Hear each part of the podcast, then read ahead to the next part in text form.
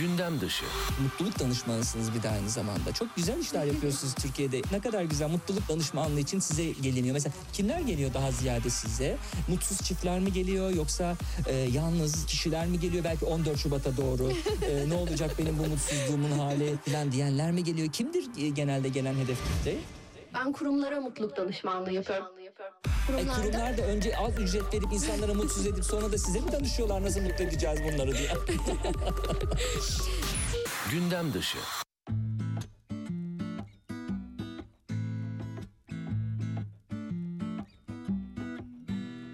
Manchmal fühle ich mich hier falsch wie ein Segelschiff im All. Aber bist du mit mir an Bord, bin ich gerne durchgeknallt. Selbst der Stau auf der A2 ist mit dir blitzschnell vorbei. Und die Plörre von der Tanke schmeckt wie Kaffee auf Hawaii. Yeah.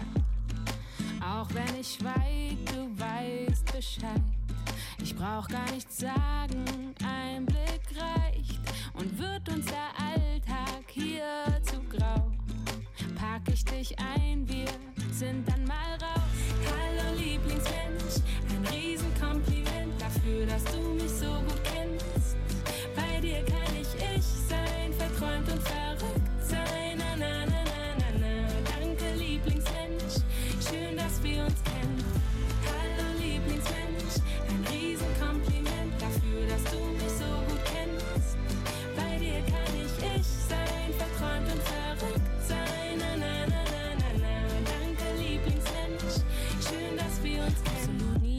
darf's erfahren, aber dir vertraue ich's an, weil du's sicher aufbewahrst. Meine Area 51. Manchmal drehen wir uns im Kreis. Aus ner Kleinigkeit wird Streit, aber mehr als fünf Minuten kann ich dir nicht böse sein. Yeah. Mach ich dir was vor, fällst dir sofort auf. Lass ich mich hängen, dann baust du mich auf. Manchmal wiegt der Alltag schwer wie. Doch sind wir zu zweit, scheint alles so leicht. Hallo Lieblingsmensch, ein Riesenkompliment dafür, dass du mich so gut kennst. Bei dir kann ich ich sein, verträumt und verrückt sein. Na, na, na, na, na, na. Danke Lieblingsmensch, schön, dass wir uns kennen. Zeiten ändern sich und wir uns gleich mit, du und ich, so jung auf diesem alten Polaroid-Bild. Das letzte Mal, als wir uns sahen, ist viel zu lang her. Doch jetzt lachen wir, als wenn du nie weg gewesen wärst. Hallo Lieblingsmensch, ein Riesenkompliment dafür, dass du mich so gut kennst. Bei dir kann ich ich sein, verträumt und verrückt sein.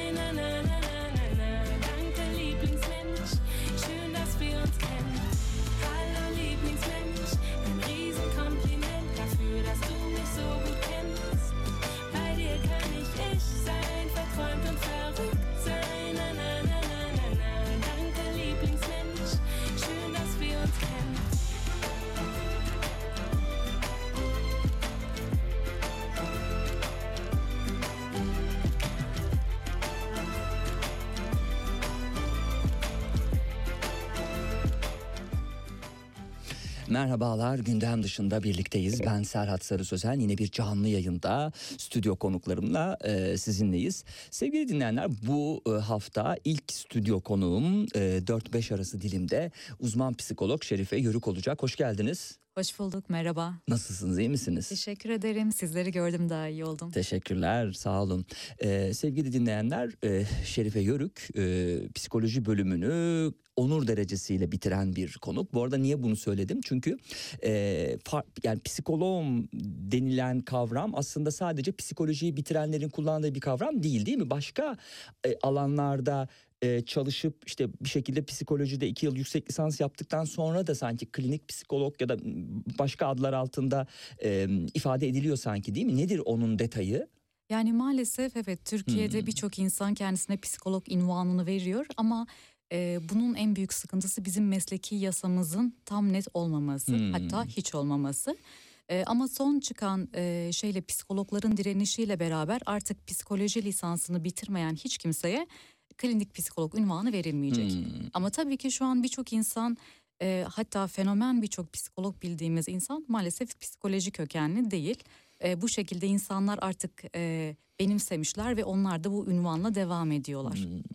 E, siz üniversite eğitiminden sonra e, yaptığımız kısa araştırmada neredeyse e, yüksek lisansa kadar yani yüksek lisansı e, tabii konuşacağız ama yüksek lisansa kadar da birçok e, eğitim almışsınız. E, lisanstan sonra da ömür eğitimle geçmiş. Evet doğru yani aslında e, her meslekte insanın kendini geliştirmesi gerekiyor. Psikolojide de biliyorsunuz kulvar çok geniş. Hmm. Konu insan. İnsan olunca da e, işin içine daldığınızda derine gittikçe daha çok derinleşiyor. Ben de teknik olarak yüksek lisans almaktansa öncelikle bir insanı almayı, anlamayı e, öğrenmeye çalıştım. E, bunun için de bütün psikolojik testleri almaya çalıştım. Çünkü biliyorsunuz ki bize gelen danışanın, her danışanın farklı bir e, problemi oluyor.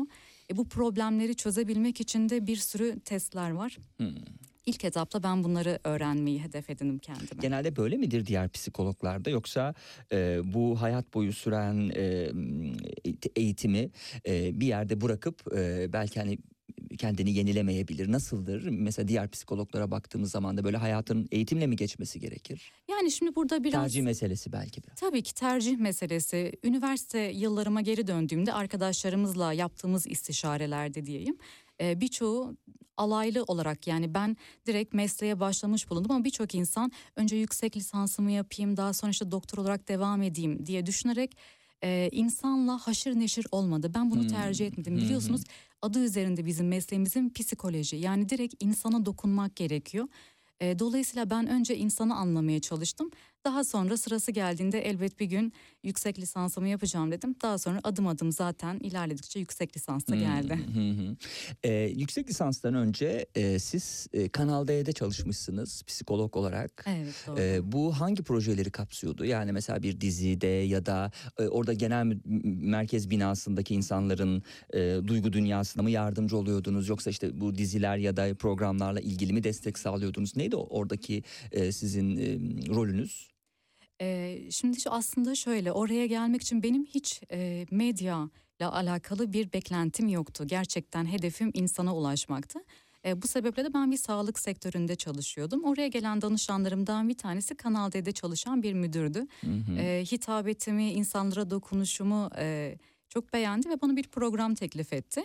Yani ben Kanal D'de canlı yayın programı, e, program Hmm. psikoloğu olarak başladım. Hmm, Hangi programdı bu? Özledim Seni programıydı. Hmm, yani evet. programın konsepti bir kavuşturma programıydı. Benim görevim de e, biliyorsunuz ki her insan kavuşamıyor. Kavuşamadığınızda belli bir e, bir insanın en büyük sıkıntısı elinde bir umut verdiğinizde o umutla karşılaşamadığında Hmm. çok büyük bir travma, hayal kırıklığı oluyor. Benim görevim de canlı yayında e, bu travmaları önlemek veya Hmm. bazen çok e, yıllardır 30 yıl 40 yıl görmediği insanla kavuşunca yine aynı tepkiler oluyordu.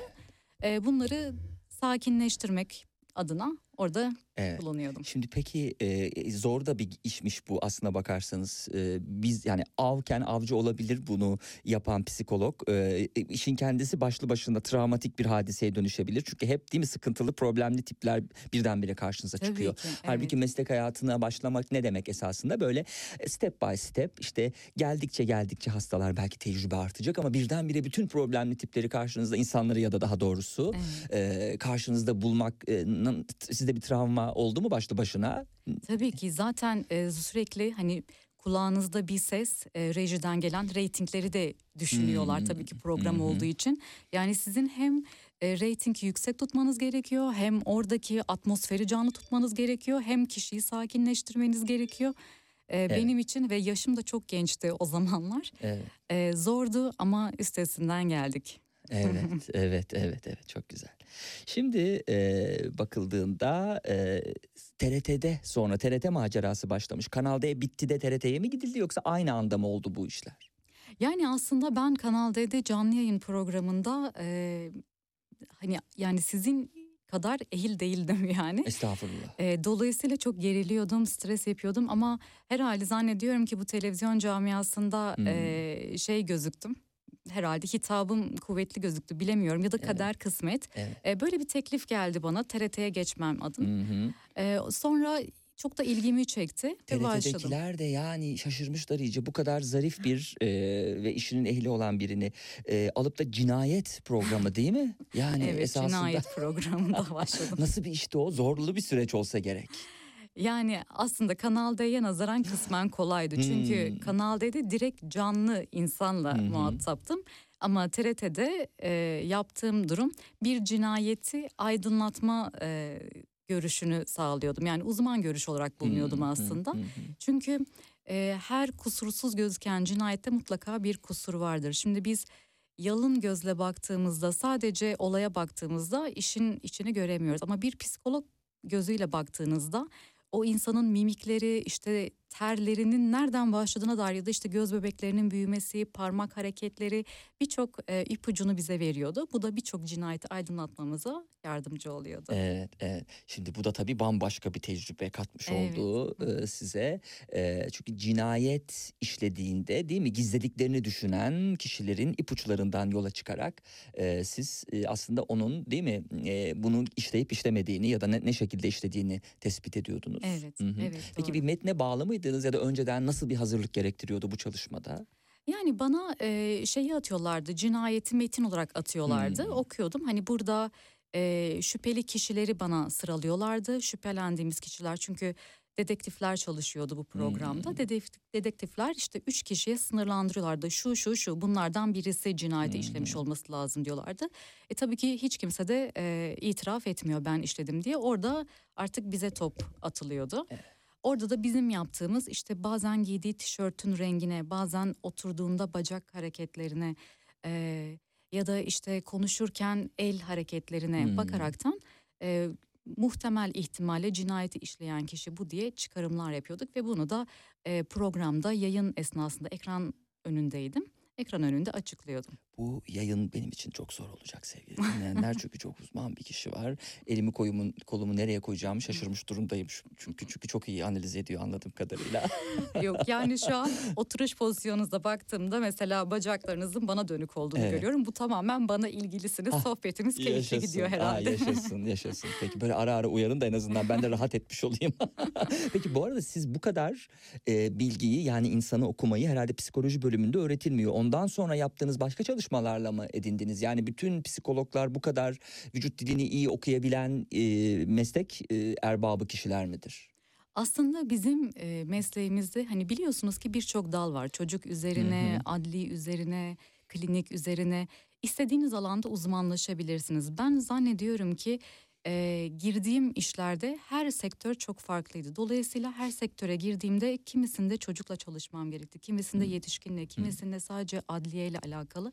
E, dolayısıyla da mecburen aslında Hmm. mesleğimde başarılı olabilmek adına yani o e, çalıştığım alandaki meslek adına başarılı olmak adına e, şey yapmış bulundum. Her e, alanda eğitim almak zorunda kaldım hı. diye. Tabii ki çok Yok affedersiniz. estağfurullah buyurun. E, beni çok yönlü olarak geliştirmiş. Hı hı. Şimdi TRT'deki rolünüz beni de çok e, ilgimi çekti. E, yani insanların karakter özelliklerinden e, onların ipuçlarını yakalayarak bir sonuca varmak. E, TRT'deki yapılan iş dışında da mesela e, var mıdır? Yani biliyor musunuz emniyette mesela işte cinayet büro ya da asayiş büroda e, böyle istihdam edilen e, ve e, olayın çözümünde yardımcı olan psikologlar ya da hali hazırda mesela sizin gibi dışarıda çalışıyordur, kliniği vardır ama e, destek alıyorlardır onlardan outsource yapıyorlardır. Bu şekilde çalışıyorlar mıdır? Sizin kulağınıza gelen bir şey var mı buna ilişkin? TRT'de olması güzel bunun yani bir program kapsamında ama gerçek hayatta e, bu işi yapan kişiler yararlanabiliyorlar mı acaba psikologlar? E, yani maalesef işte burada yine meslek yasamıza denk geliyor. Hmm. Meslek yasamız olmadığı için insanların böyle bir ihtiyacı olsa da yani arz talep meselesi gibi ne kadar talep olsa da maalesef ki e, meslek yasamız olmadığı için istihdam edilmiyor. Yani bizde zaten birçok psikoloğun en büyük sıkıntısı devlet kadrolarına atanamıyor olmamız. Çünkü yılda e, 15-20 tane psikolog atanıyor ve bu çok çok düşük bir rakam. Hmm. Dolayısıyla- Nerelere atanıyor onlar? E, adliyelere Adliye, atanıyor. hmm. Yani emniyetlere de atanıyor ama çok az sayıda. Hı. Yani bir kişi, iki Hmm, kişi. Dolayısıyla da sadece çok büyük emniyetlerde hmm, psikolog hmm, var. Anladım. Tabii adliyelerde bu özellikle aile mahkemelerinde sanıyorum sosyal Evet. gelişmeci, psikolog, pedagog hani yardımcı olsun e, ya da işte pediatrist gibi e, görev alıyor anladığım kadarıyla. Ama bizatihi hani e, yaşanan vakaya ilişkin değerlendirme yapacak ekip sayısı az. Peki. Evet. Ha, bu arada adliye demişken e, sizin gönüllü bir staj eğitiminiz de var. Çağlayan Adliyesi ve Balıklı Rum Hastanesi'nde değil mi gerçekleşen? E, Evet, başka doğru. hastanelerde var bu klinikler. E, bu nasıl bir tecrübeydi? Yani e, üniversiteye başladığımızda aslında tam olarak e, şeye karar veremiyorsunuz. Yani tıp gibi aslında hangi sektörde e, olmam gerekiyor? Çocuk mu bana daha uygun, aile mi daha uygun, adliye mi daha uygun? Her derse girdiğinizde e, o bölüm size yakın geliyor. Dolayısıyla ben adliyede staj yapmaya başladım. E, ama orada gerçekten adliyeden çıktığımda e, nefes aldığımı hissediyordum. Adliyede bambaşka bir dünya var. Hmm. Yani hani siz de hukuk kökenlisiniz biliyorsunuzdur. Oradaki insanlar çok çok farklı potansiyeldeler. E, ve çok rahat bir şekilde yaptıkları olayları anlatmaları yani ne kadar psikolog olsam da sonuçta insani duygularım ön Hmm, planda oldu ve doğru. e, bana çok ağır geldi. Dolayısıyla hani bir adli psikolog olma hayalim vardı. O adliye e, Çağlayan Adliyesi staj görevimden sonra vazgeçmiş bulundum. Peki. Ee, şimdi sonrasında e, sizin artık Kanal D, TRT hani bu tarz e, işler dışında bizatihi e, mesleğe atıldığını yani daha doğrusu bu da sizin mesleğinize doğrudan ilgili ama çocukluktan başladığını düşünerek insanın temelinin değil mi eğitim sektörüne atıldığınızı görüyoruz. evet. Devam ediyor mu bu arada? Nasıl bir başlangıçtı? Çünkü hem öğretmen şey, hem psikolog hem de yönetici olarak çalışmışsınız. Evet hem müdür burada. olarak Hı hı. yani psikolog olarak başladım. Daha Hı hı. sonra müdür olarak devam etmiştim. Ee, onda da şu şekilde aslında ben çok fazla insanla uğraşmaya başladım da bu arada Kanal Hürriyet, Gaz e, Hürriyet gazetesinde de yazıyordum ben e, Hmm. cinayet programını yaparken. Çünkü e, şeyde hani biliyorsunuz insanların ufak detaylardan e, yaptığı hataları bulduğumda e, bana Hürriyet gazetesinden şöyle bir teklif geldi. Yani siz o zaman insanın her davranışından bir Hmm. psikolojik e, bir Çözümleme köken yapın. vardır ya da bir Hmm. çözümleme vardır. Bunlarla ilgili e, yazılar yazmamı istemişlerdi.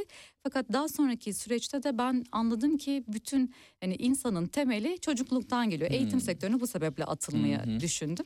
Hı hı. E, psikolog olarak birçok okulda çalıştım. Yaklaşık 5 sene kadar. Daha sonra anaokullarında okul müdürü olarak çalışmaya devam Hı ettim. hı. Yani aslında e, bir eğitmen olmadığım için e, psikologluğumun yanında teknik bilgileri de öğrendikten sonra milli eğitimdeki e, bilgileri daha sonra müdür olarak devam ettim. Evet. Ee, Hürriyet ve Radikali sona saklamıştım. Siz söylediğiniz için onu da söyleyelim. Ee, bir de tabii köşe yazıları var. Evet. Radikal ve Hürriyet'te.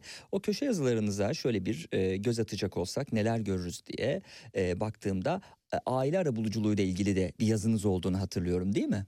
Evet doğru. Evet. Şu an popüler bir konu tabii aile arabuluculuğu. Ee, arabuluculuk birçok e, hukuk disiplininde karşımıza çıkıyor. Ticari uyuşmazlıklar, iş uyuşmazlıkları. Şimdi aile arabuluculuğu ile ilgili de bir hazırlık olduğunu e, takip ediyoruz, görüyoruz. E, destekler misiniz bunu? Ne düşünürsünüz? Aile arabuluculuğunda çünkü psikologlar da rol almak durumunda tabii. Bir aile terapisti gibi belki çalışılacak. Hı. Detaylarını bilemiyoruz ama bildiğimiz kadarına baktığımız zaman ne hissettiriyor size?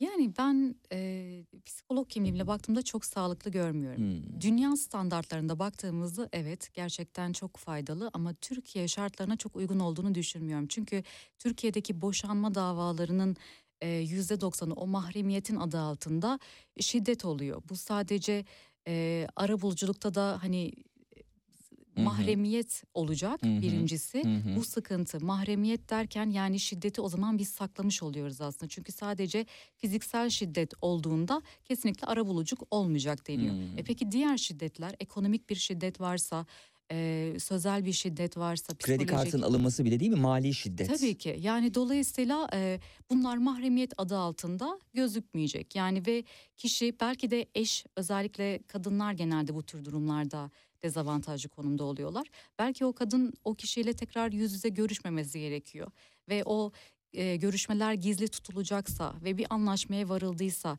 biz orada kadının tehdit edilmediğine dair e, ya da kadının ikna oldu ama hangi sebeplerle ikna oldu?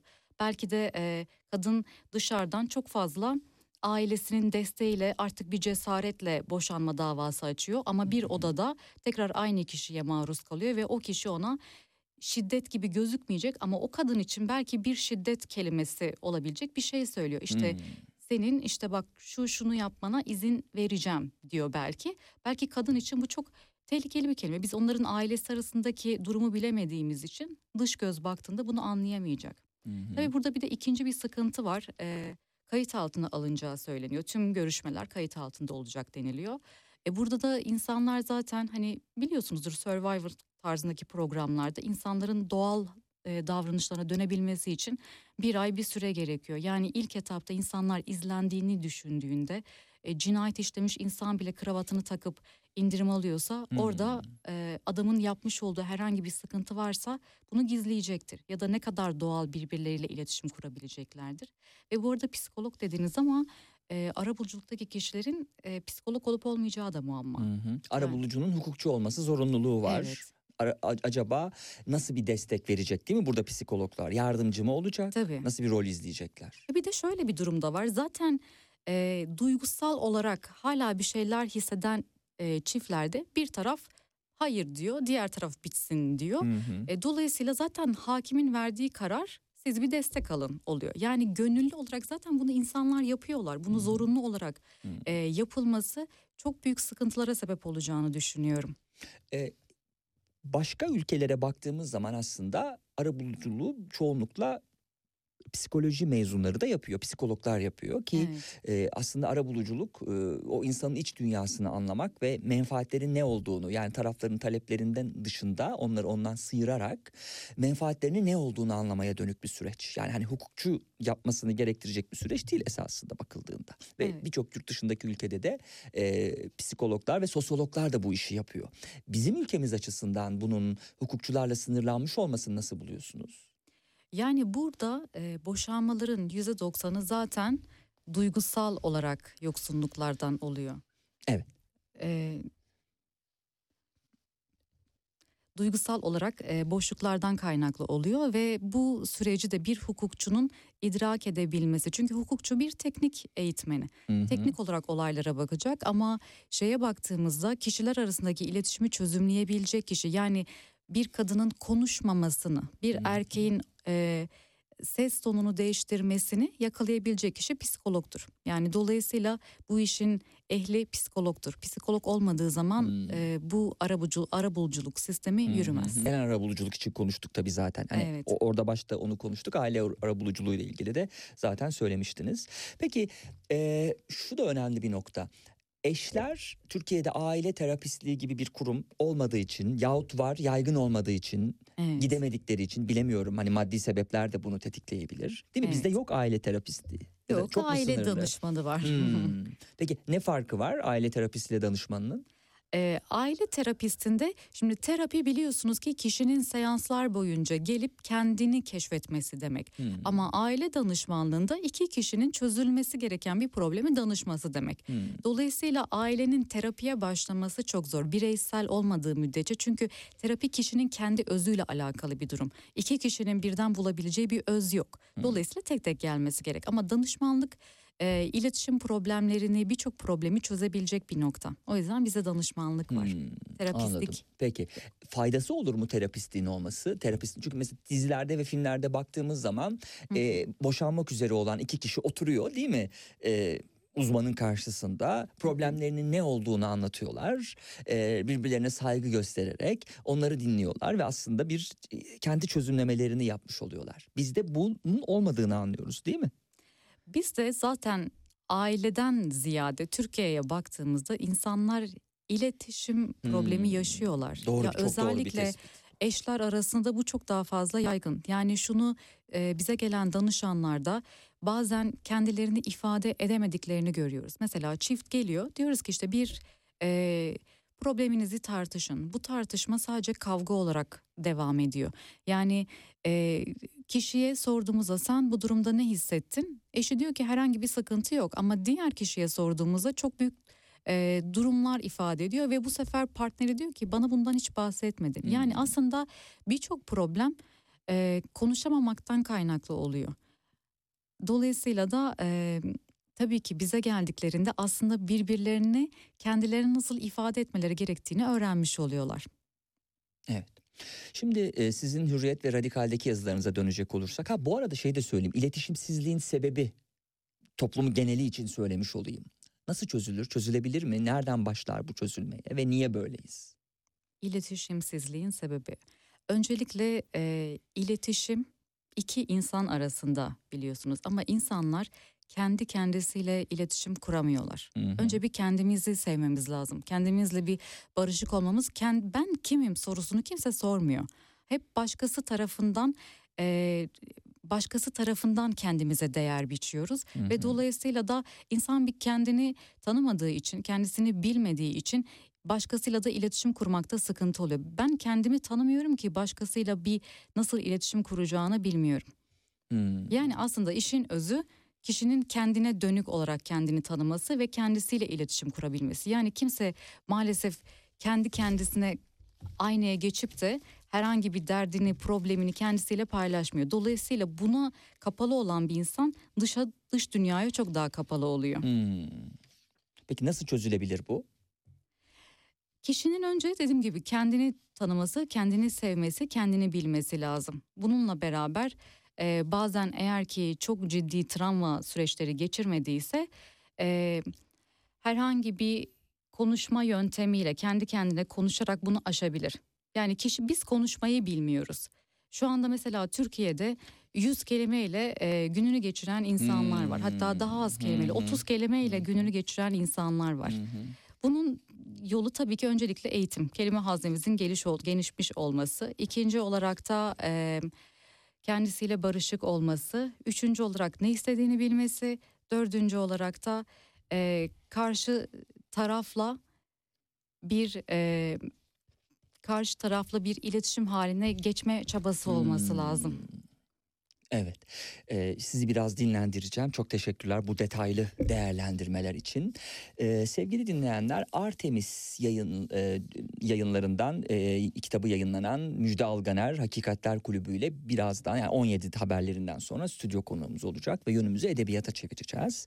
Ee, Şerife Yörük'le sohbetimizden sonra bana gelen kitaplara baktığım zaman şöyle bir e, Arter yayınları e, sanat alanında epey e, güzel eserler çıkartıyor ve yaptığı işler de son, son derece önemli.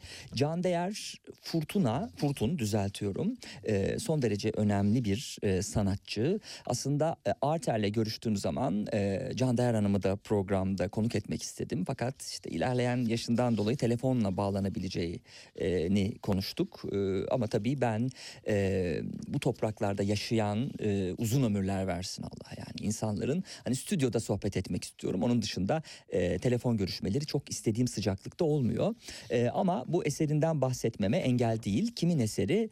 E, Selen Ansen ve Süreyya Evren'in hazırladığı Can Değer Fürtün, e, Furtun kitabı e, Arter'den çıktı. Kabuktaki Hayalet Selen Ansen'in ön e, yazısıyla birlikte. E, siz e, müze ziyaretlerini sever misiniz? Modern sanat eserleriyle ilgilenir misiniz e, Şerife Hanım? Takip eder misiniz? Tabii ki e, çok seviyorum. O halde Ama- size e, hemen ama dinleyeceğiz. Can Değer Furtun'un e, eserlerinden oluşan bu e, kitabı e, hediye etmiş olalım Ay, çok Arter'den. Teşekkür ederim. Evet. Severek okuyacağım. Sağ olun. inşallah. Ama dediniz kulağım şimdi sizde tekrar. Ee, sanat eserlerini, tarihi çok seviyorum. İnsanın kendisini bulmasına faydalı Hmm. olduğunu düşünüyorum. Ee, ama fıtrat olarak daha çok doğayla iç içe olmayı Hmm. seviyorum diyecektim. Hmm. Herhalde biraz e, psikolojik kökenli olmamın sebebi meditasyon Hmm. olarak ama her tarihi eserde aslında bir meditasyon durumu da var. İnsanın Hmm. kendini bulmasında, geçmişini, özünü bilmesinde bir e, ipucu olduğu için çok da değerli buluyorum tabii ki. Kitap da bu arada çok güzel, çok kaliteli gözüküyor. Evet peki. Arter gerçekten yaptığı işlerle iyi, iyi sonuçlar alıyor. Biz de başarılar diliyoruz. Daha önce Süreyya Evren'in de yazdığı eserlerle ilgili konuk etmiştik. Şimdi Arter'in genel yayın yönetmeni olunca oraya da bambaşka bir e, hava katmış oldu. Şimdi e, geliyorum sizin Radikal'de yazdığınız yazıların etrafında şöyle bir dolaşmaya. E, mesela Garipoğlu'nun e, intiharıyla ilgili e, bir e, analiziniz var. Özellikle Garipoğlu'nu intihara sürükleyen psikolojiyi değerlendirdiğinizi görüyorum.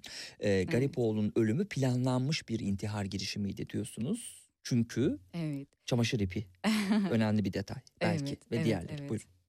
Ee, şimdi insanın hani bahsettiğimiz gibi yaptığı her davranışında bir ipucu bir sebep e, çıkıyor demiştik.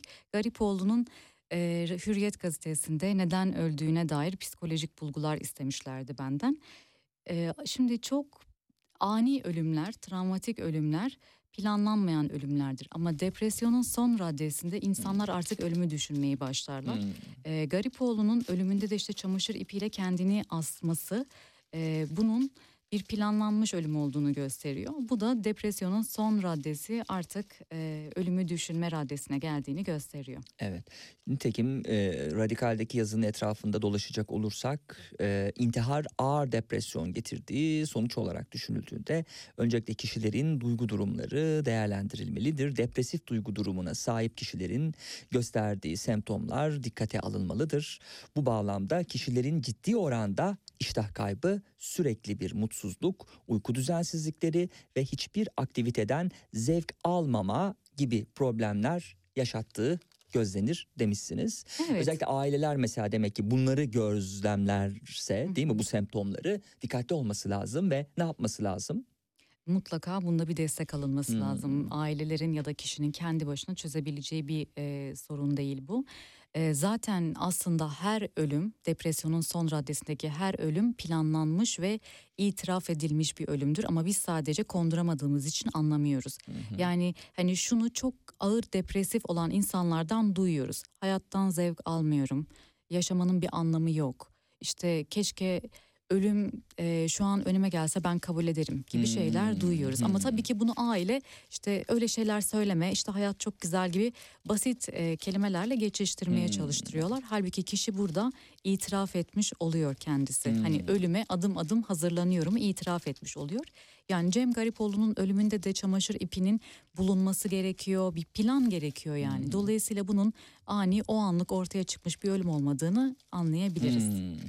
Peki e, o zaman aileler uzman bir psikoloğa danışacaklar değil mi? Kendi başlarına çözmeye çalışmayacaklar o halde bunu anlıyorum. Tabii ki. Yani zaten haberlerde çok fazla görüyoruz. İşte hiç e, böyle huyları yoktu. İşte Hmm. biz ölüm olduğuna inanmıyoruz. Mutlaka bu cinayettir gibi. Ama altına bakıyoruz. İşte kız e, hani kötü bir durum yaşamış ve bu durumdan sonra işte içine kapanmış, yemek yememeye başlamış, arkadaş çevresini bırakmış. E, son bir aydır, iki aydır bambaşka bir fıtrata bürünmüş. Ama bazen aileler gözden kaçırabiliyorlar. Hı hı. Ee, yine bu radikaldeki yazılarınızdan bir başkası da Fatih Terim hakkındaydı. Ee, spor insanların çok daha e, kolay uzlaştığı konulardan bir tanesi değil. Hmm. Ee, Fatih Terim neden hep kızgın başlığıyla esasında e, nok- doğru bir noktaya siz de değinmiş oldunuz. Ee, niye kızgın sahi hep?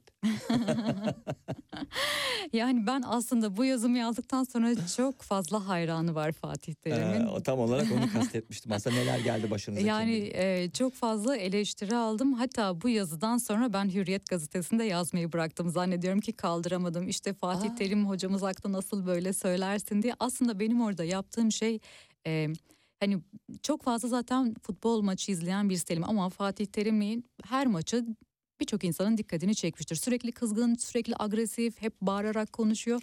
E bu da dikkatimi çektiği için bunu bir ben analiz etmek istemiştim. Sürekli kızgın olmak, sürekli agresif olmak aslında e, durumları yönetemiyor olmaktan da kaynaklı ve biraz da psikolojik çocukluk kökeninden gelen sıkıntılar. Sanırım hayranları da e, bu konuya Fatih Terim de keza öyle çok değinmemi istemediği için Hmm. ondan sonra ben Fatih de Terim de derken oradan da Ee, bir olumsuz dönüş geldi mi evet size? geldi. yani dolayısıyla e, şey oldum. Vallahi- Tabii ki e, burada Fatih Terim e, isminden yola çıktığım için. Evet. Fatih Terim isminden yola çıktığım için belki de e, çok fazla gündem olmuştu bu konu. Aslında her insanda bu tarz davranışlar var. Dolayısıyla her insanın e, Fatih Terim üzerinden yola çıkarak her insandaki agresiflik davranışını aslında ben ele almıştım. Evet. Aslında Ama- yazıya baktığım zaman Evet. çok makul bir hakaret yok. Yok. Evet. Eleştiri sınırlarını aşma yok. Yani göz önünde olan insanlar da bir zahmet biraz tahammüllü olsunlar değil mi? Yani hatta belki kendilerini ayna tutması anlamında da güzel bir feedback olur insanın kendisini Evet. geliştirmesi için. Peki öfke kontrolü bozukluğu olan kişiler için ne düşünüyor diyorsunuz? Ee, bunlar düzeltilebilir e, arızalar mıdır? Yani böyle çabuk kızan, çabuk parlayan kişiler. Yani aslında e, insanın yine kendisini bilmekle alakalı. Öfke anında e, ne yaptığını önce bir görmesi lazım. Kendisini analiz etmesi Hmm. lazım. Öfke probleminde zaten psikologların en büyük çalıştığı alan öfke problemidir. Öfke Hmm. problemiyle alakalı gelen özellikle taksi şoförleri çok fazla geliyor. Hmm. Ee, çok ciddi öfke problemi yaşıyorlar. Ee, öncelikle uzman destek alabiliyorlarsa alsınlar.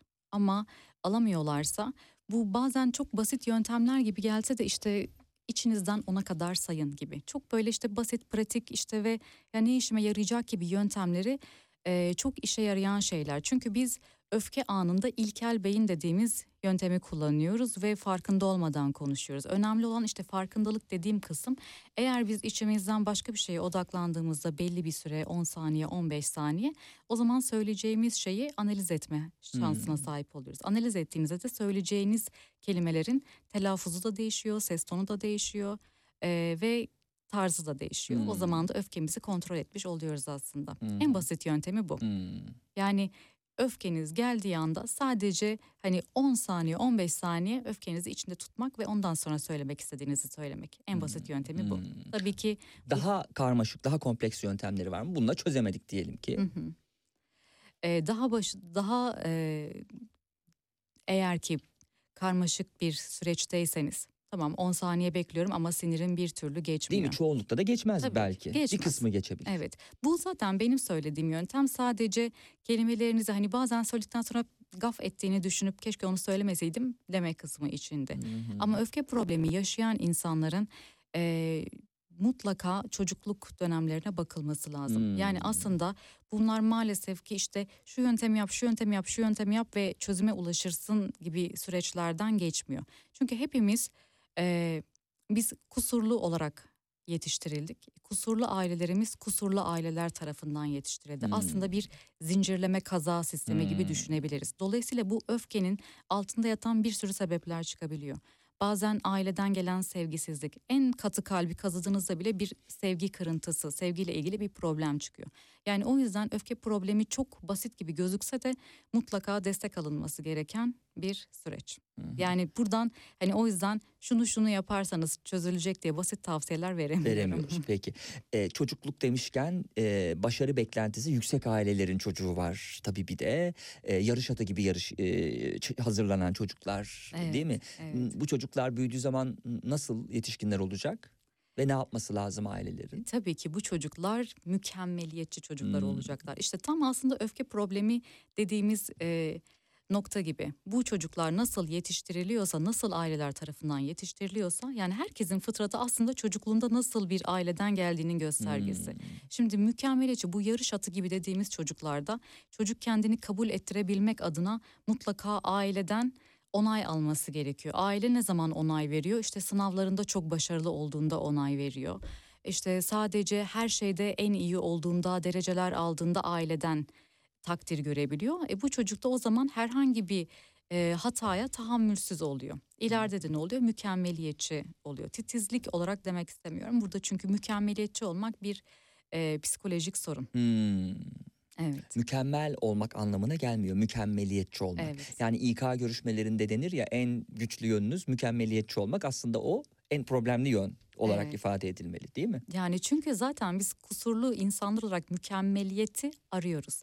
Ama Hı hı. mükemmel olmaya çalışıyoruz. Ama mükemmeliyetçi zihniyette olmamız ve bunu uygulamaya çalışmamız çok yorucu. Bunun akabinde de işte bir sürü sıkıntılar çıkıyor. Mesela işte öfke problemi çıkıyor. Yani bazen öfke problemini deştiğimizde mükemmeliyetçi olmak çıkıyor gibi. Ee, uzman psikolog Şerife Yörük'le birlikteyiz sevgili dinleyenler Ee, ve e, insanın iç dünyasına ilişkin birçok e, konuda geziniyoruz. Bunlardan bir tanesi de özgüven eksikliği. Evet. Çokça karşılaştığımız bir e, durumdur değil mi bu özgüven eksikliği de? Evet. evet. Çocuklukta başlar, yetişkinlikte devam eder. Dolayısıyla çocuklukta mı çözülmesi lazım bunun? Ve nasıl Aslında, anlaşılır? Buyur. e, bunu da ben hani eğitim sektöründe çalışırken çok fazla gördüm. Yani saçı çekilen çocuklar sesini çıkartmıyorlar. İşte arkadaş grubundan dışlanıyorlar, sesini çıkartmıyorlar. Daha sonra e, ailelerini çağırıyoruz. İşte ailesiyle görüşmek adına işte çocuğunuzda böyle böyle sıkıntılar var diye. Sonra anneye babaya bakıyoruz. İşte anne çok sessiz, baba aşırı nasıl benim çocuğumu döverler, nasıl işte böyle tepki vermez benim çocuğum, siz Hmm. psikologsunuz destek olun. Sonra bakıyoruz ki aslında problem ailede. Hmm. Yani bir çocuğun özgüvensiz olması, bir çocuğun mükemmeliyetçi olmasının temeli sadece ailede bitiyor. Siz nasılsanız çocuğunuz öyle olacaktır yani. Yani bir çocuğa özgüvenini topla demekle o çocuk özgüvenli, özgüvenli olamayacak. Yani bunun temeli de yine aileye dayanıyor aslında. Hı hı. Sizin bir kliniğiniz var. Yani bütün bu yaptığınız işlerden bahsettik. Klinikten bahsetmedik değil mi? Bildiğim kadarıyla bir Evet, klinik de var evet, sizin. Evet bir kliniğim var. Ne zaman e, açmıştınız? Ee, ikinci yılım oluyor. Peki hayırlı olsun. Ee, bu klinik e, psikolog e, muayenehaneleri bizim Türkiye'de e, o filmlerde görmeye alıştığımız e, yabancı ülkelerdeki işte Amerika'daki ya da Avrupa'daki klinikler gibi pek değil sanki değil mi? Nasıl Türkiye'de ve niye öyle değil?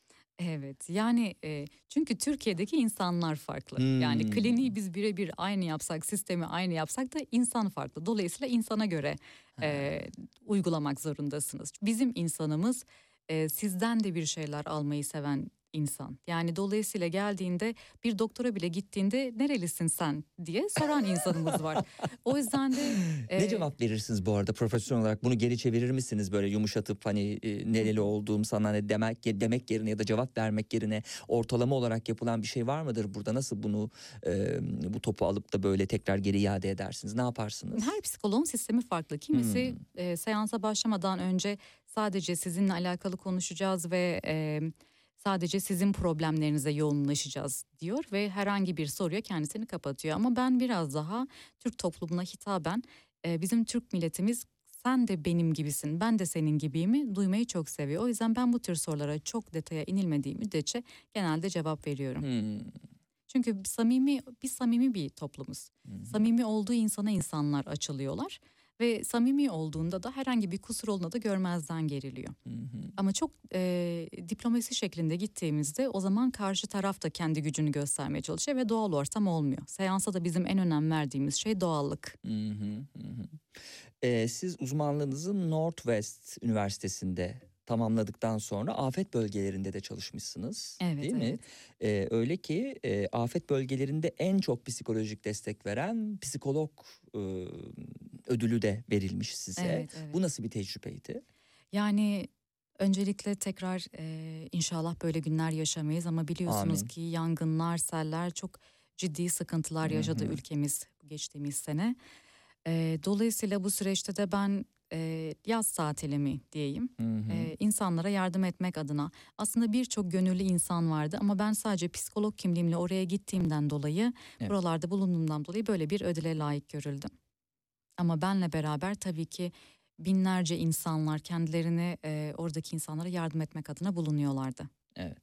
Şu an sizin bir kitap projeniz var. Evet. Değil mi? Bir üstüne çalışıyorsunuz. Ee, ne hakkında? Yuvada Aile. kalabilmek. Evet aslında aile hakkında yani ben tüm e, kulvarları denedikten sonra aile üzerinde kalmaya karar verdim. Çünkü işte az önce bahsettiğimiz çocuk durumunda da temeli aileye dayanı- dayanıyordu. O yüzden de düşündüm ki aileyle alakalı problemleri çözersek e, birçok insana dair problemi de çözmüş olacağız aslında. Yani hani az önce bahsettiğim gibi bir e, kusurlar zinciri halinde devam ediyoruz. Yani bu kusurlar bir yerde durduğunda bir aile e, özverili bir şekilde bir çocuk yetiştiğinde çok güzel bir nesil yetişecek. Dolayısıyla da hani e, yuvadan herhangi bir kuşun hayatını baktığımızda ilk doğduğunda işte çelimsizse annesi tarafından yuvadan atılıyor çok güzel gelişmişse arkasına bakmadan uçuyor gidiyor yani o aileyi yuva nasıl yaparız bunun adına bir kitap yazıyorum. Hmm, burada tabii e, kitaptaki önemli noktalardan bir tanesi de e, evlilikteki yaş ortalamalarının düşmesi de bir analiz konusu değil mi? Yani geç evlenmesi insanların Evet, ya da evet. evlenmemesi Bunun Evet. altında yatan nedenler olarak neyi gördünüz? Yani belki kitapta tartışılacak bunlar ama öncesinde bir e, buna ilişkin de bilgi alsak sizden. Yani şimdi e, her şey aslında çok kolay. Evlilik yaşı bu yüzden de ilerliyor.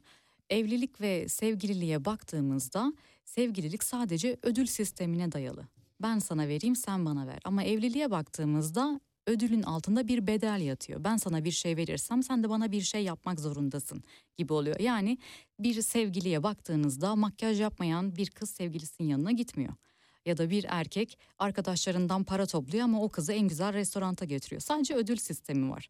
Dolayısıyla ve artık e, sosyal medya sayesinde çok fazla e, partner bulmak kolay. Evliliğe geldiğimizde bu e, gözün açılması demek oluyor. Yani tamam ben sana işte şey yaparım güzel gözükürüm ama akşam sen de bana e, yemekte yardım edeceksin. Ya da Hmm. erkek tamam ben seni gezmeye götürmem ama pazar günümü benim rahat bırak gibi oluyor. Dolayısıyla da e, bir de tabii şu da var yani hani Nasrettin Hoca yaşasa da ye kürküm ye dese yani Hmm. evlilik şu anda çok da zorlaştı. Yani hı. özellikle işte yine bu teknoloji sayesinde insanlar o kadar çok hayaller içine giriyor, o kadar çok muazzam düğünler e, görüyorlar. o da delice bir şey değil mi esasında? Tabii ki yani bu sebeple de evlilik her şekilde zorlaşıyor. Diğer yöntemlerde çok kolaylaşıyor. Aileye yansıtmıyorsunuz. İnternet üzerinden birisini buluyorsunuz ve sadece dediğim gibi ödül sistemi var. Herhangi bir e, bedel ödemiyorsunuz ama evlilikte bir bedel ödeme olduğu için insanlar da buna yaklaşmak istemiyorlar. Evet. 2020'lerin analiziydi bu. Peki 2030'larda ve 2040'larda ne bekleyecek o zaman evlilikleri? Daha mı azalacak? Toparlanma Şimdi, olacak mı? Ee, şimdi aslında kitap bu sebeple ben yazıyorum. İnşallah güzel kitlelere ulaşabiliriz ve 2030'larda en azından risk bu kadar kalır. Ama Hmm. 2030'larda e, maalesef ki yani zaten e, aile kavramı gittikçe insanlar ailenin ne demek olduğunu bilmiyor. Aile kavramı önemini ve anlamını yitiriyor. İnsanlar bireyselleşmeye başladı ve bu bireysellik gittikçe artacak diye endişelerim var. Hmm, peki. Ee, bu evlilik konusuyla ilgili son bir şey sormuş olayım. Tartışılan, konuşulan, olabilir mi acaba denilen e, bir konu da süreli evlilikler. Yani nasıl ki bir kira sözleşmesi bir yıl, iki yıl, on yılsa e, ve hani sonra sona eriyorsa ya da sona erdirilebiliyorsa boşanmayla evliliği sona erdirmek sizin süreli evliliklerle yani kendiliğinden bitiyor olsa mesela 10 yıl yapılan bir sözleşme gibi düşündüğümüzde bir akit olduğunu düşündüğümüzde e, bunun acaba toplumsal sonuçları nasıl olur? Hani yenilemek isterlerse yeni bir sözleşmeyle devam edilebilmesi ama yenilenmesi istenmezse de bunun bu şekilde sonlanması. Teorik düzlemde Hmm. nasıl bakarsınız? Nasıl olur sizce? Ee, aslında teorik olarak baktığımızda e, çok mantıklı gözüküyor. Çünkü e, tabii ki toplumumuza aykırı bir durum. Hı hı. Çünkü evlilik bizim için adanmış, adanmışlık demek. Yani Hı hı. onu her haliyle ömrünün sonuna kadar kabul etmek demek. Ama Hı hı. şu da bir gerçek ki insanlar elinde tutamayacağını değerli görüyorlar. Yani zaten işte sevgili neden değerli? Çünkü herhangi bir elinizde şey yok, belge yok. Onu yanınıza tutamazsınız ve iyi davranmazsanız o gitmek zorunda. Şimdi süreli evlilik olduğunda aslında teknik olarak biraz sevgili gibi oluyorsunuz. Bir süre sonra biteceğini bilmek ve o kişiyi 10 sene sonra tekrar ikna etmeye çalışabilmek için aslında her daim kendini diri canlı tutabilmek Hmm, gerekebilir. Önemli bir nokta bu. Evet Güzel bir yani- nokta bence bu. Yani dolayısıyla teknik olarak mantıklı geliyor ama tabii ki Türk toplumunda bu uygulanabilir mi? Kimse zaten biz ölümüne kadar diye başladığımız için çok mümkün gözükmüyor. Değil mi? Çok mümkün gözükmüyor. Evet. Bir de tabii Türk toplumu e, radyo televizyon kurulu başta olmak üzere çok önemli bir e, sınır. Yani her şeyin dönüp dolaşıp gittiği bir sınır ama niye bu kadar farklı olsun? Niye dünya e, toplumlarından hani bu kadar e, ayrı görülüyor olsun? O da ayrı bir belki üstünde sosyologların çalışması gereken başka bir e, konu olarak değerlendirilebilir. Evet, bu programın ki. süresini çok aşan bir konu olur bu. Evet. Ee, sevgili dinleyenler uzman psikolog Şerife Yörük bizimleydi Ee, ve e, insanın iç dünyasına ilişkin konuştuk ve yaptıklarına ilişkin e, konuştuk. Ee, tabii televizyonda da gerek Kanal D'de gerek e, TRT'de yayınlanan birçok projenin içinde olduğu için de zaten yayıncılık dünyasına da çok aşina bir e, konuktu. Teşekkür ediyorum geldiğiniz için. Var mı son olarak söyleyeceğiniz bir şey? Ben çok teşekkür ediyorum. Çok keyifli bir sohbetti. Sağ olun. Ee, çok sağ olun davetiniz için. Evet. Dakikalar içerisinde 17 haberlerine bağlanacağız. Selin Yazıcı'dan 17 haberlerini alacağız. 17 haberlerinden sonra e, Hakikatler Kulübü'nü konuşacağız. Yönümüzü edebiyata e, çevireceğiz. Müjde Alganer stüdyo konuğum olacak sevgili dinleyenler. Ziziro'da e, Kıbrıs Türkçesinde e, Ağustos böceğini e, anlamına gelen Ziziro romanıyla e, çok metaforik kavramlarda kullanarak matematik bilimini de kullanarak yazmıştı. Bu defa daha sade bir dille e, üç farklı anlatıcıyla e, kaleme aldığı Hakikatler Kulübü'nde e, birazdan buluşmak üzere. Az sonra.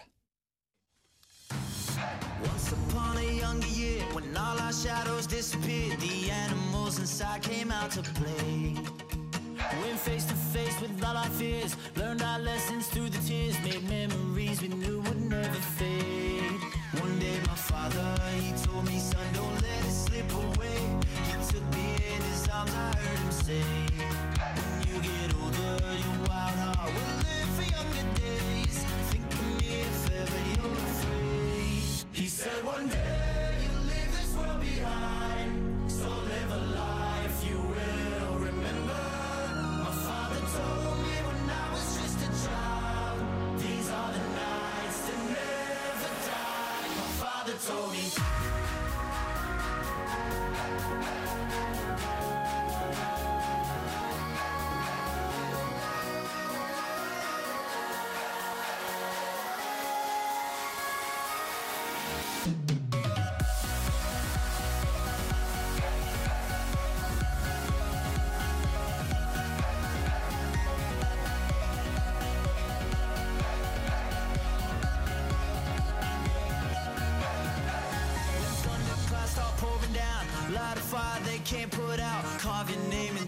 shining stars. He said, Go venture far beyond the shores. Don't forsake this life of yours. I'll guide you home no matter where you are. One day, my father, he told me, Son, don't let it slip away. When I was just a kid, I heard him say, When you get older, your wild heart will live for younger days. Think of me if ever you're afraid.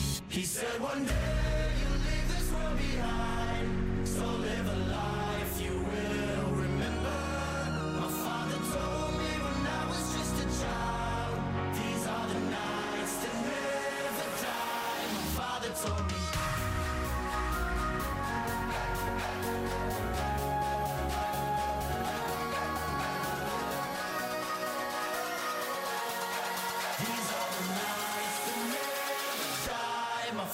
My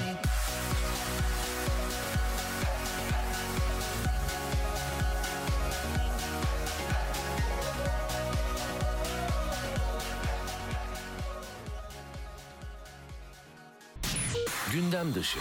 Mutluluk danışmanısınız bir de aynı zamanda. Çok güzel işler yapıyorsunuz Türkiye'de. Ne kadar güzel mutluluk danışmanlığı için size geliniyor. Mesela kimler geliyor daha ziyade size? Mutsuz çiftler mi geliyor yoksa e, yalnız kişiler mi geliyor? Belki 14 Şubat'a doğru e, ne olacak benim bu mutsuzluğumun hali falan diyenler mi geliyor? Kimdir e, genelde gelen hedef kitle?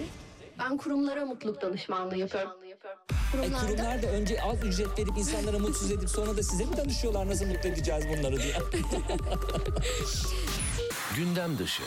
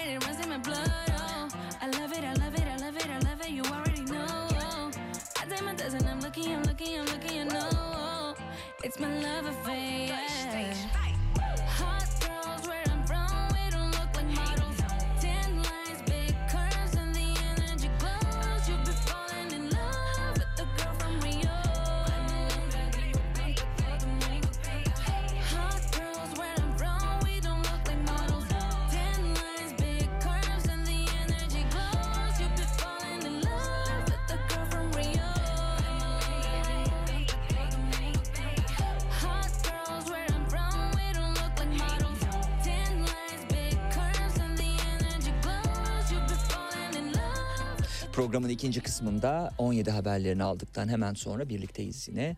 Bu defa günümüzü edebiyata çevireceğiz. Ee, konuştuğumuz gibi Müjde Alganer bizimle sevgili dinleyenler. Hoş geldiniz. Hoş bulduk. Nasılsınız? İyi misiniz? İyiyim, çok iyiyim. Siz nasılsınız? Yaşasın teşekkür ederim. Daha önce Müjde Alganer'i konuk etmiştik sevgili dinleyenler. Ee, dolayısıyla Orta Doğu Teknik Üniversitesi işletme bölümünü bitirmiş olması, çalışma hayatına Türkiye'nin büyük bankalarından birinde teftiş kurulunda başlamış olması bizim konuştuğumuz Evet. e, konulardı. Beyaz yakalılıktan e, istifasıyla e, kapıları çarpıp yönünü e, Başka bir edebiyata çevirmesine ve başka bir dünyaya çevirmesi daha önce ele aldığımız konulardı. Değil mi? Evet, aynen. Evet.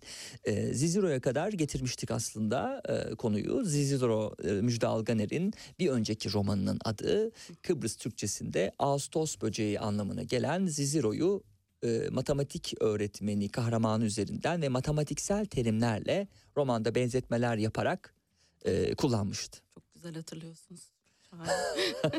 Kopya çekiyor. Evet, Deneysel e, roman e, sizi e, nasıl bir yazım sürecine e, götürmüştü? Onun mukayesesiyle daha yalın bir dille kaleme alınan Hakikatler Kulübü'nü karşılaştırdığımız zaman yazım süreçlerini ne, ne, ne çıkıyor ortaya ne dersiniz? evet. Ee, Cicero'yu daha kısa bir sürede yazdım ama Hakikatler Kulübü benim için dört senelik bir süreci kapsadı. Ee, Hakikatler Kulübü'nde e, e, bir yandan kendi tanıklıklarımdan e, den vururken bir yandan da bunu kurguya çevirmenin olasılıklarını aradım hep. O olasılıkları ararken de karakterler yarattım ve o karakterlerle kendimin dışına çıkmaya çalıştım aslında. En büyük çabam buydu. Kendi izlenimlerimi evet aktaracaktım. O duygu derinliklerini ancak e, böyle yansıtabilirdim. Ama onu kurguda vermek zorundaydım.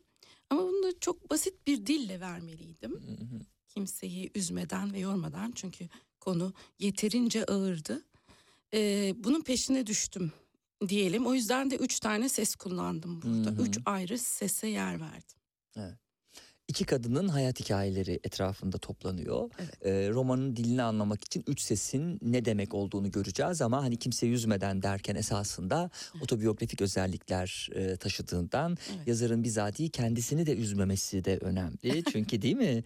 Ee, bu, Evet. bu arada başsağlığı dileklerimizi iletmiş olalım. Ee, romanın son kısmını okuduğumuz zaman Evet. e, zaten bunu görüyoruz. E, Hakikatler Kulübü'nü konuşmaya başlarsak aslında gerçeklerle yüzleşmeye cesareti olanların kulak vereceği bir hesap defteri olarak e, tanımlanmış kitap.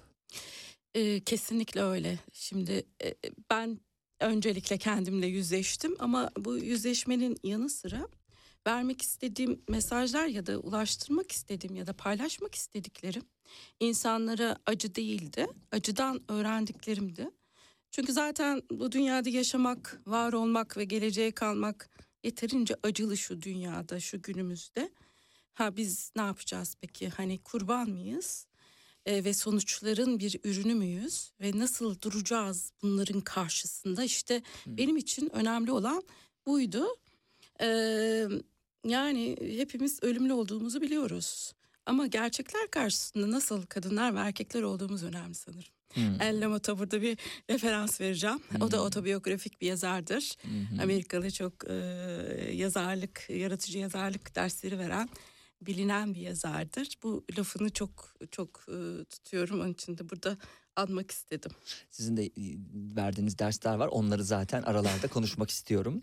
O hayatınızda yeni olan şeyler. Özellikle yeni olan yani Ziziro'dan sonra yaptığınız şeyleri konuşmak istiyorum. Bu da Tamam. sanki yeni olan bir kısım değil mi? E, tabii Hakikatler Kulübü'yle başlayıp e, onunla devam eden bir süreç var. Doğru. Hı hı. Hakikatlere ilişkin yeni süreçler var. Evet.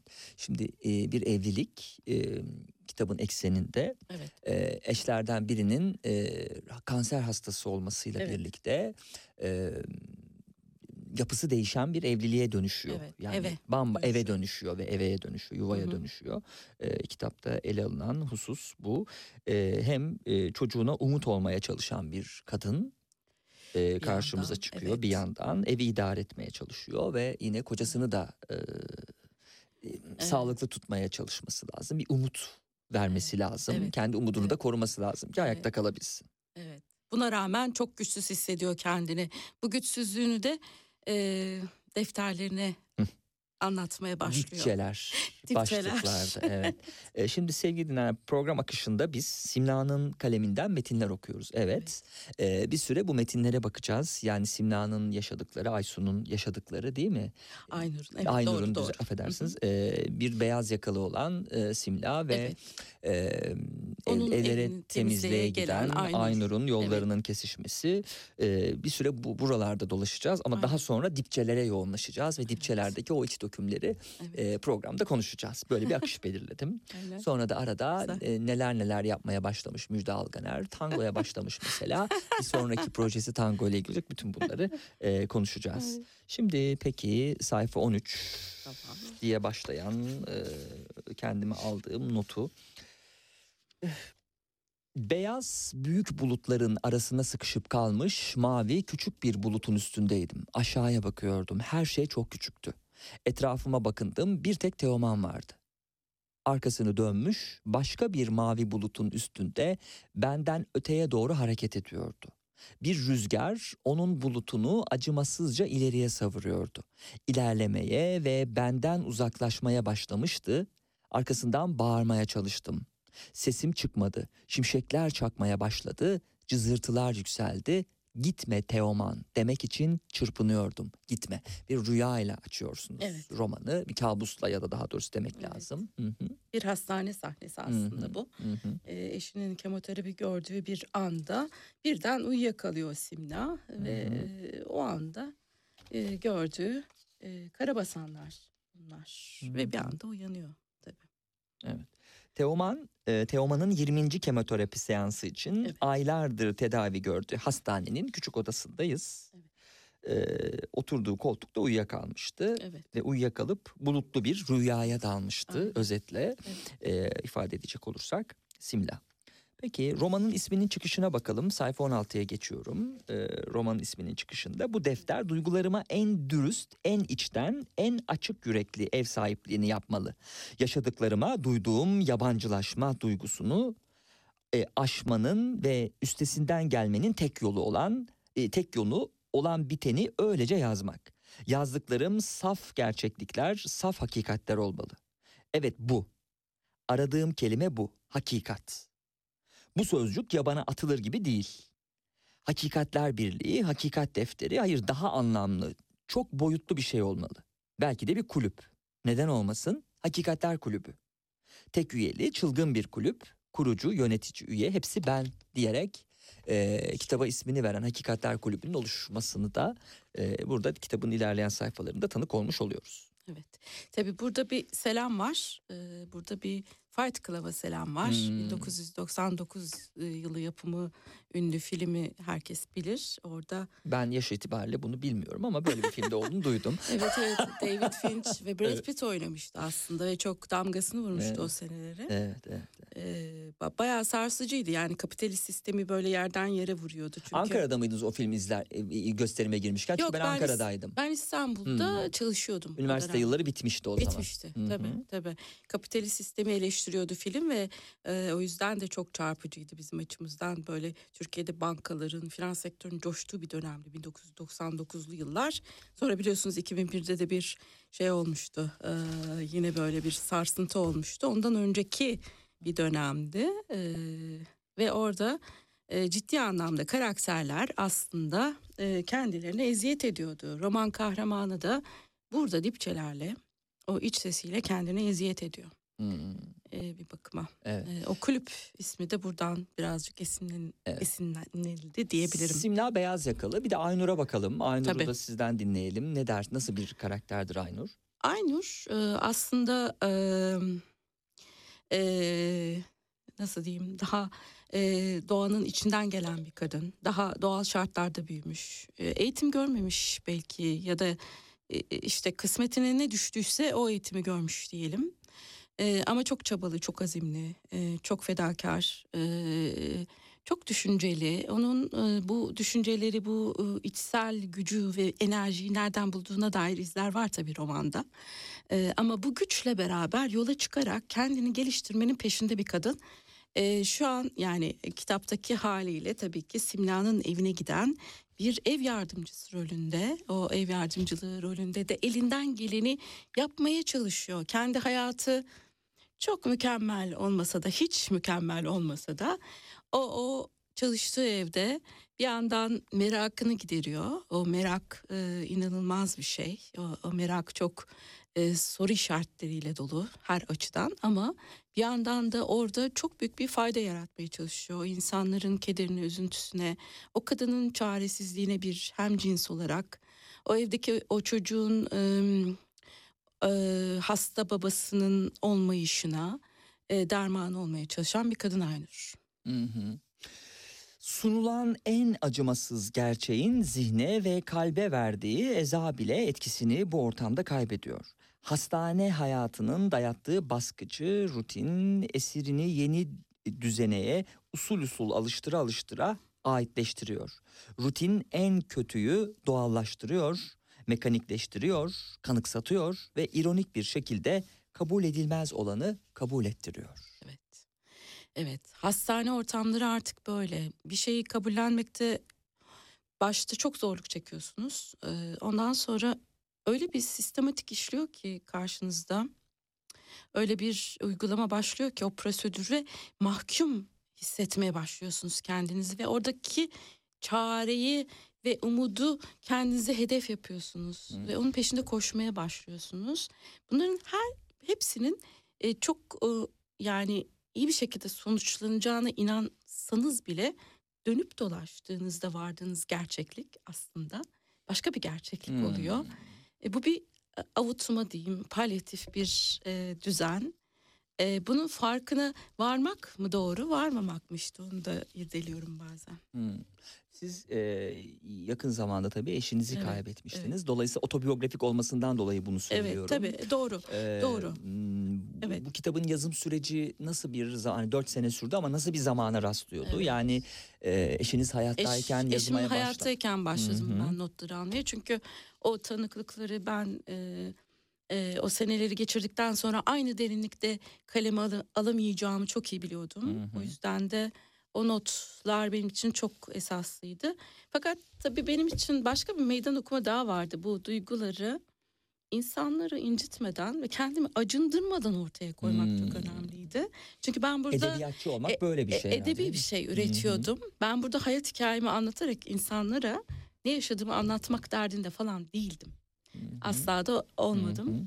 E, Benim amacım aslında hastalıktan ziyade hastanın etrafında dönüp dolaşan duyguları ve insanları e, biraz daha yakın mercekten başkalarına aktarmaktı ki bununla ilgili çok güzel geri dönüşler aldım. E, Neler has- söylediler? Evet hasta yakınları özellikle bunu Hmm. senelerce yaşayan insanlar hı. yani bunun e, dile getiremediklerini, yazamadıklarını, yazmaya ellerinin, yüreklerinin varmadığını defalarca söylediler. Ben de bunu yazarak demek ki bu da benim terapimmiş dışıma çıkardım. Hmm. Benim için de bu e, Hakikatler Kulübü'nün son e, fazı oldu aslında dışıma Evet. çıkarmak. E, romanın sonlarında böyle Evet. Teoman sanki dipçeleri okuyor yani yazılan metinleri Tabii, okuyor hepsini. hepsini okuyor. Evet. E, sizin gerçek hayatınızda da böyle bir hani eşiniz hayattayken yazdığı için söylüyorum Evet. böyle bir okuma oldu mu yani o Yok, orada böyle olmadı. kısmen bir gerçeklik oldu mu? Olmadı ama çok sessiz iletişimlerimiz oldu. O sessiz Hmm. iletişimlerin sonucudur o mektup aslında. Evet, ışıklar içinde e, uyusun demiş olalım Teşekkür tekrar. ederim. Unutma yaşlılık hayattaki en önemli acılardan birine dönüşebilir. Evet.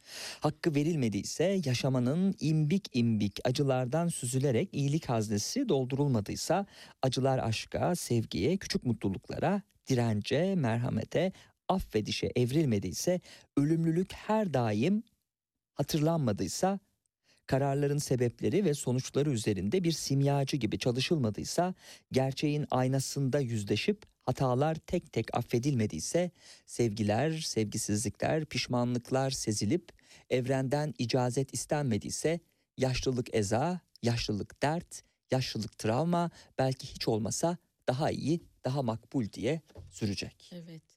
Yaşlılık aslında hayatımızdaki e, gerçekliklerden biri.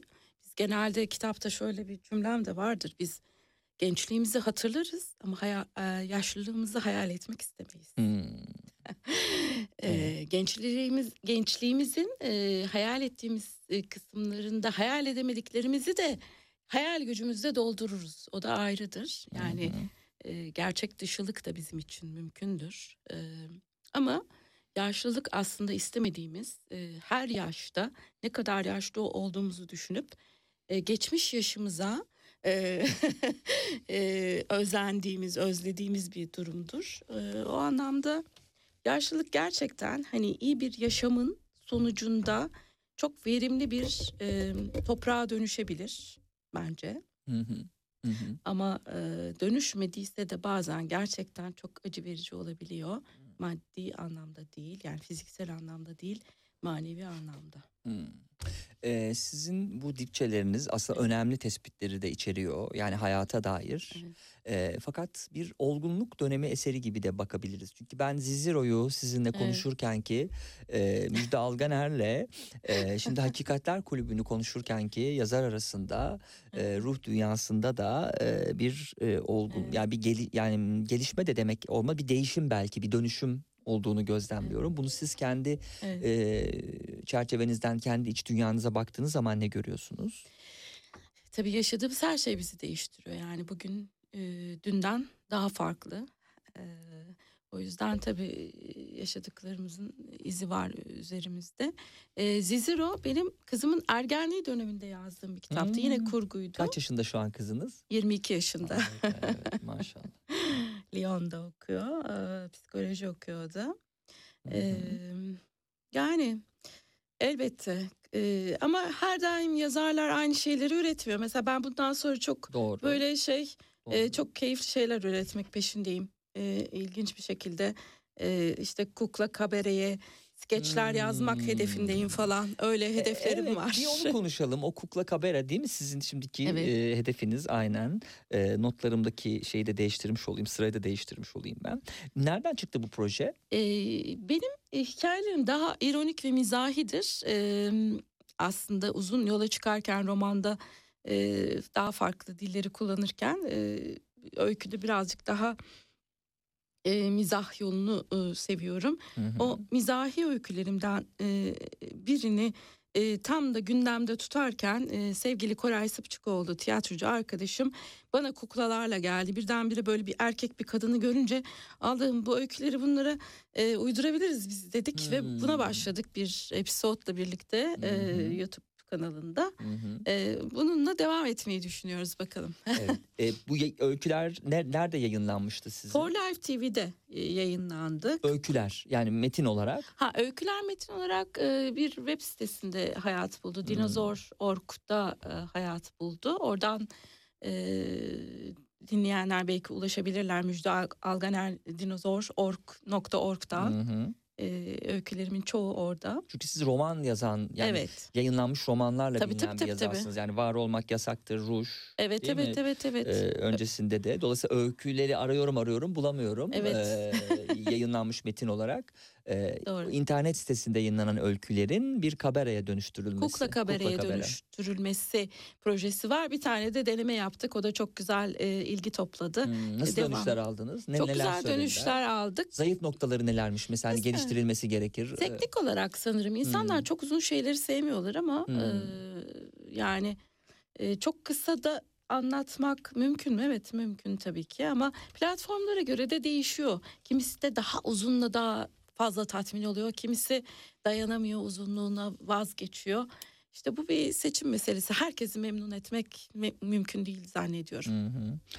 Ee, yine dipçelere döndüğümüz zaman kadınlar hayatlarını değiştirmek isteyip buna muktedir olmadıklarını anladıkları her seferde saçlarına saldırırlar. İçin aynı kaldıktan sonra ne beyhude bir çaba. Doğru. Doğru bir tespit. Doğru. Evet. Bu arada Kesinlikle. demek ki siz e, bence e, yani e, hayatınızı değiştirmek noktasında değilsiniz bence. Çünkü aslında yıllar önce gelen Müjde Alganer aynen yine karşımızda. Hiç değişmeden saçları evet, da aynı bence. boyatmadım değil mi? Oldu mu peki böyle anlar? tabii tabii olmaz mı? Hmm. Yani ya e, düşünme aşamasında mı oldu yoksa e, uygulamaya döndü mü? Yani orada karakter de bazen böyle bir anda bir şey yapmaya Hı hı. başlıyor. Bir şeyin alışverişini yapıyor işte bir duyguyla bir şeye saldırıyor falan. E, bunun gibi şeyler tabii ki oldu. Kadınlar bunu yaparken erkekler nasıl gösteriyor peki bunu bu değişimi? Erkekler bu konuda daha içe dönükler, Hmm. daha bir şeyler, e, ketumlar e, ya da böyle biriktirip biriktirip patlıyorlar. E, bir kadınları seyir halinde olmayı tercih ediyorlar sanki. Hı. Adeta kadınları seyrederken mi e, şey yapıyorlar hani e, onlar da e, kendi katarsislerini yaşıyorlar bilmiyorum ama erkekleri bu konuda birazcık şey tepkisiz bulduğumu söyleyebilirim rahatlıkla. Hı hı. Ee, yazdıklarına bakıyorum da hiç güzel şeylerden bahsetmiyorsun. Sanki onlar yokmuş gibi dayanıyorsun. Yaşananların hiç kıymeti yok mu diye de iç dünyasını sorguladığı dipçelerinde e, yine kendisine yaptığı hatırlatmalarla birlikte. Evet. O dipçeler zaten onun öbür kişiliği, Hmm. onun öbür yanı, onun öbür sesi. O öbür ses hepimizde olan bir ses. Ama biz onu e, dillendirmeye, hatta duymaya bile e, niyetli değiliz. E, o yüzden onları yazarken ben de zorluk çektim. E, ama Hangisi daha iyi geldi. zordu? Dipçeler sanki daha kolaydı, diğeri daha zor gibi düşündüm ama tam tersi mi? aslında e, yani insanın kendini eleştirmesi o kadar kolay bir şey değil. Yani onun dibine vurmak kolay değil. Hmm. Yüzeysel gidebilirsiniz hı. ama dibine vurmak e, daha büyük bir yüzleşme diyeyim size. e, romandaki diğer kadın karakter yani hani e, Evet. bölümler arasında hani e, sıradaki bölümle Evet. hep devam eden Aynur Kara Ay- Aynur Aysun hep böyle karıştı bütün isimler Aynur karakteri evet. e, dipçeleri yok. Acaba onun dipçesi olsaydı ne çıkardı hiç düşündünüz mü? E, Aynur'un e, bulunduğu bölümler e, daha çok e, bir tanrı anlatıcı ama Hı tanrı anlatıcıdan ziyade böyle bir kameralı bir tanrı anlatıcı. Ve hı. Hem Aynur'un işte omzunun kenarında hem de başkalarına bakıyor.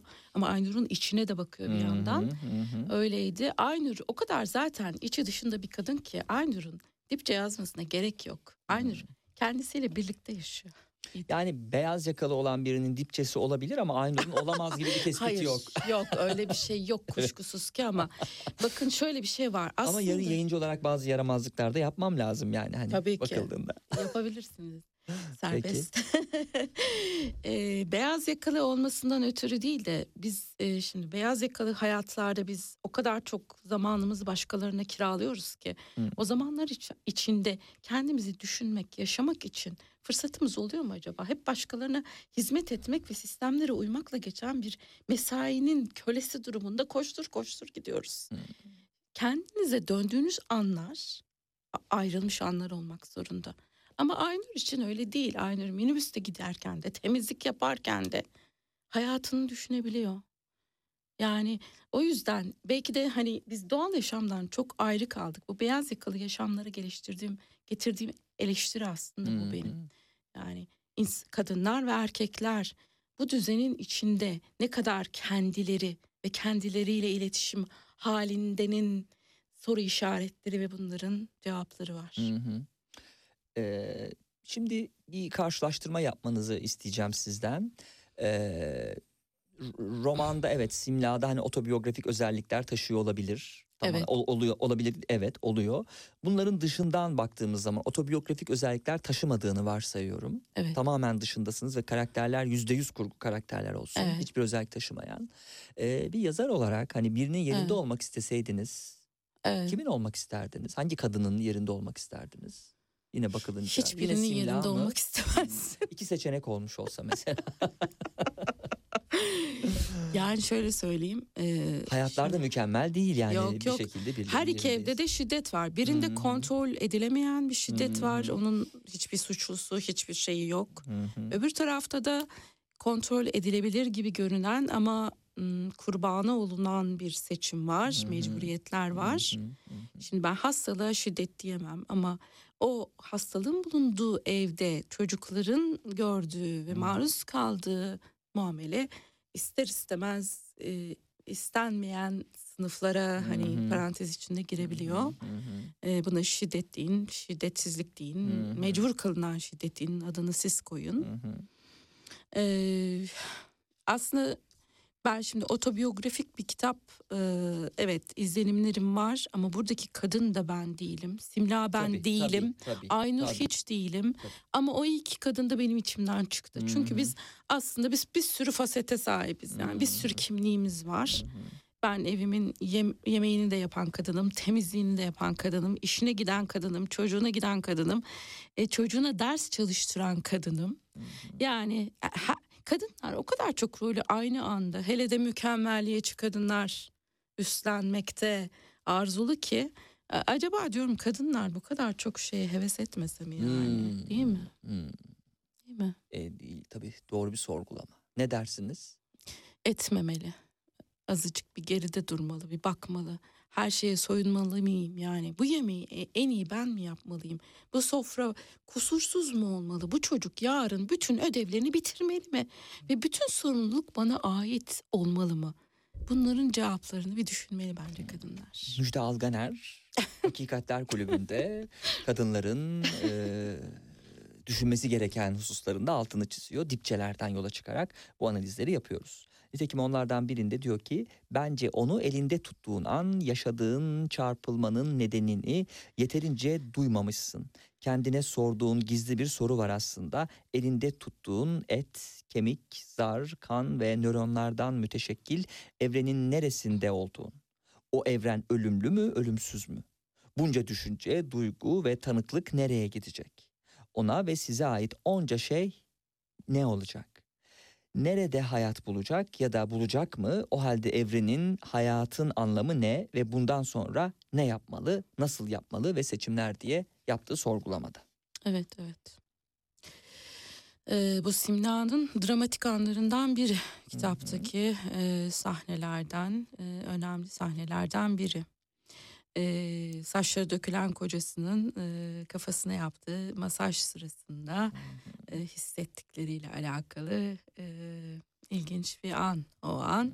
O an tabii bizim her şey beynimizde başlayıp bitiyor öyle düşünelim. O beyin nereye gidiyor, o duygular nereye gidiyor, o düşünceler nereye gidiyor? Peki bizim ortak yaşamımız nereye gidiyor Hmm.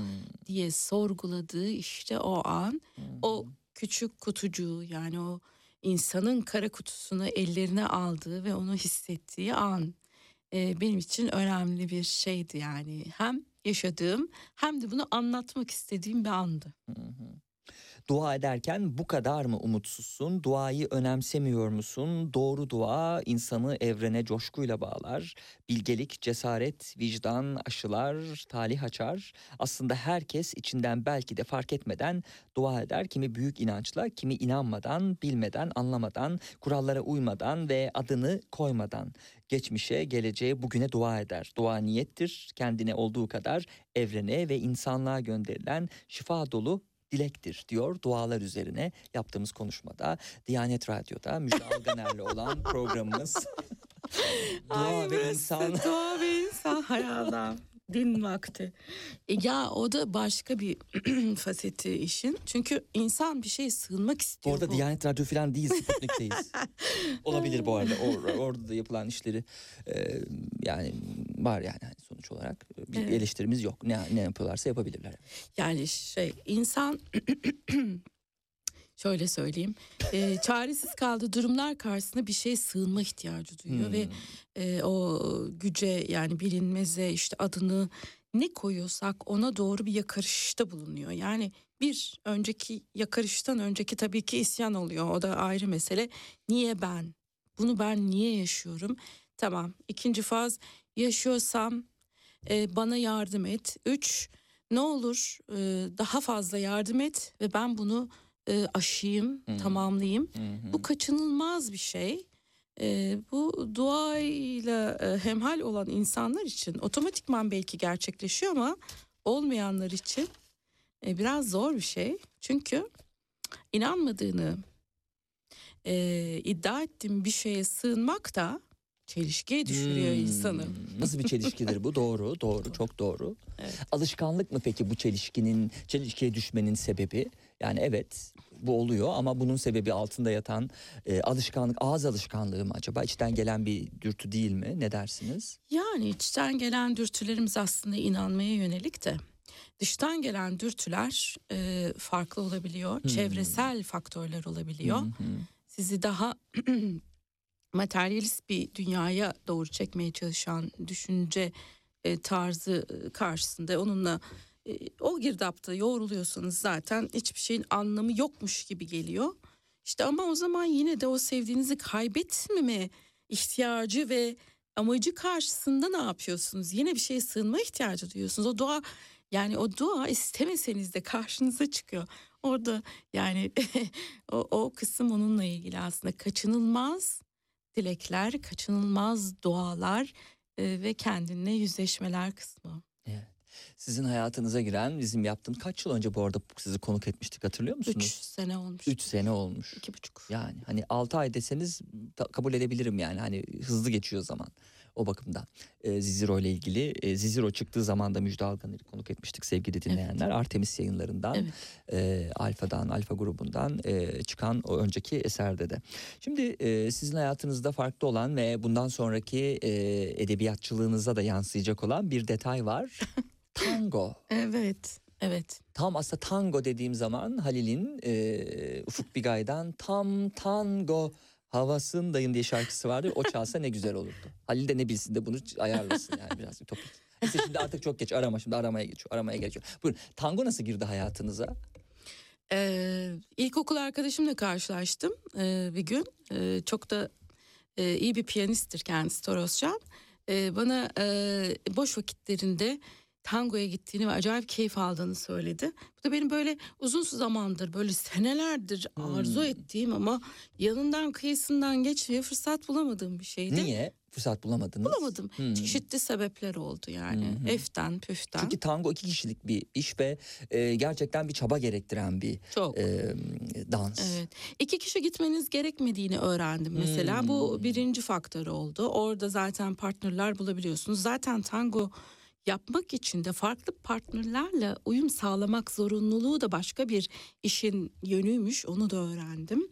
Bir de tabii burada leader yani lead eden erkek. Erkek evet. Aynen. Onu tam soracaktım yani felsefesine bakınca o yöneten kişi erkek olunca e, mesela hani sizin gibi kadınlar e, tangoyu nasıl buluyorlar? Yani tangoyu özünde nasıl yani buluyorlar? benim gibi kadınlar derken neyi kastetmek istedim? Yani daha özgür ruhlu hani bir erkeğin Dominant. e, e, şöyle söyleyeyim şimdi Evet. birinin lead etmesi gerekiyor. hı hı. Burada ya kadın lead edecek ya erkek. Ama aslında bu dans hani erkek erkeğe ortaya çıkmış bir danstır. 1900'lerin başında. öyle mi? Arjantin'de, Buenos Aires'te. Kadın Arkası- bulamadıkları için mi Kadın bulamadıkları için? Ha. aynen. Çünkü sonra buldukları kadınlar da genel evlerden olmuş. Çünkü evet evet genel evet, evdeki olabilir, kadınları evet. öğretmişler. O yüzden Mantıklı bir çözüm tabii tabii olmuş kadın bu arada. e, Evet. o şarkı sözleri de o yüzden çok erotikmiş. Hı hı. E, sonraki senelerde 1930'lara gelindiğinde o şarkı sözlerini tekrar yazmak zorunda kalmışlar. Hmm. Aynı bestelere farklı sözler yazmak zorunda kalmışlar. Hmm. E, erkek erkeğe yaparken işte genel ev kadınları sonra Erkek erkeğe yaparken de mi erotikmiş? erkek erkeğe yaparken şöyle burada bir challenge var yani bir meydan okuma var.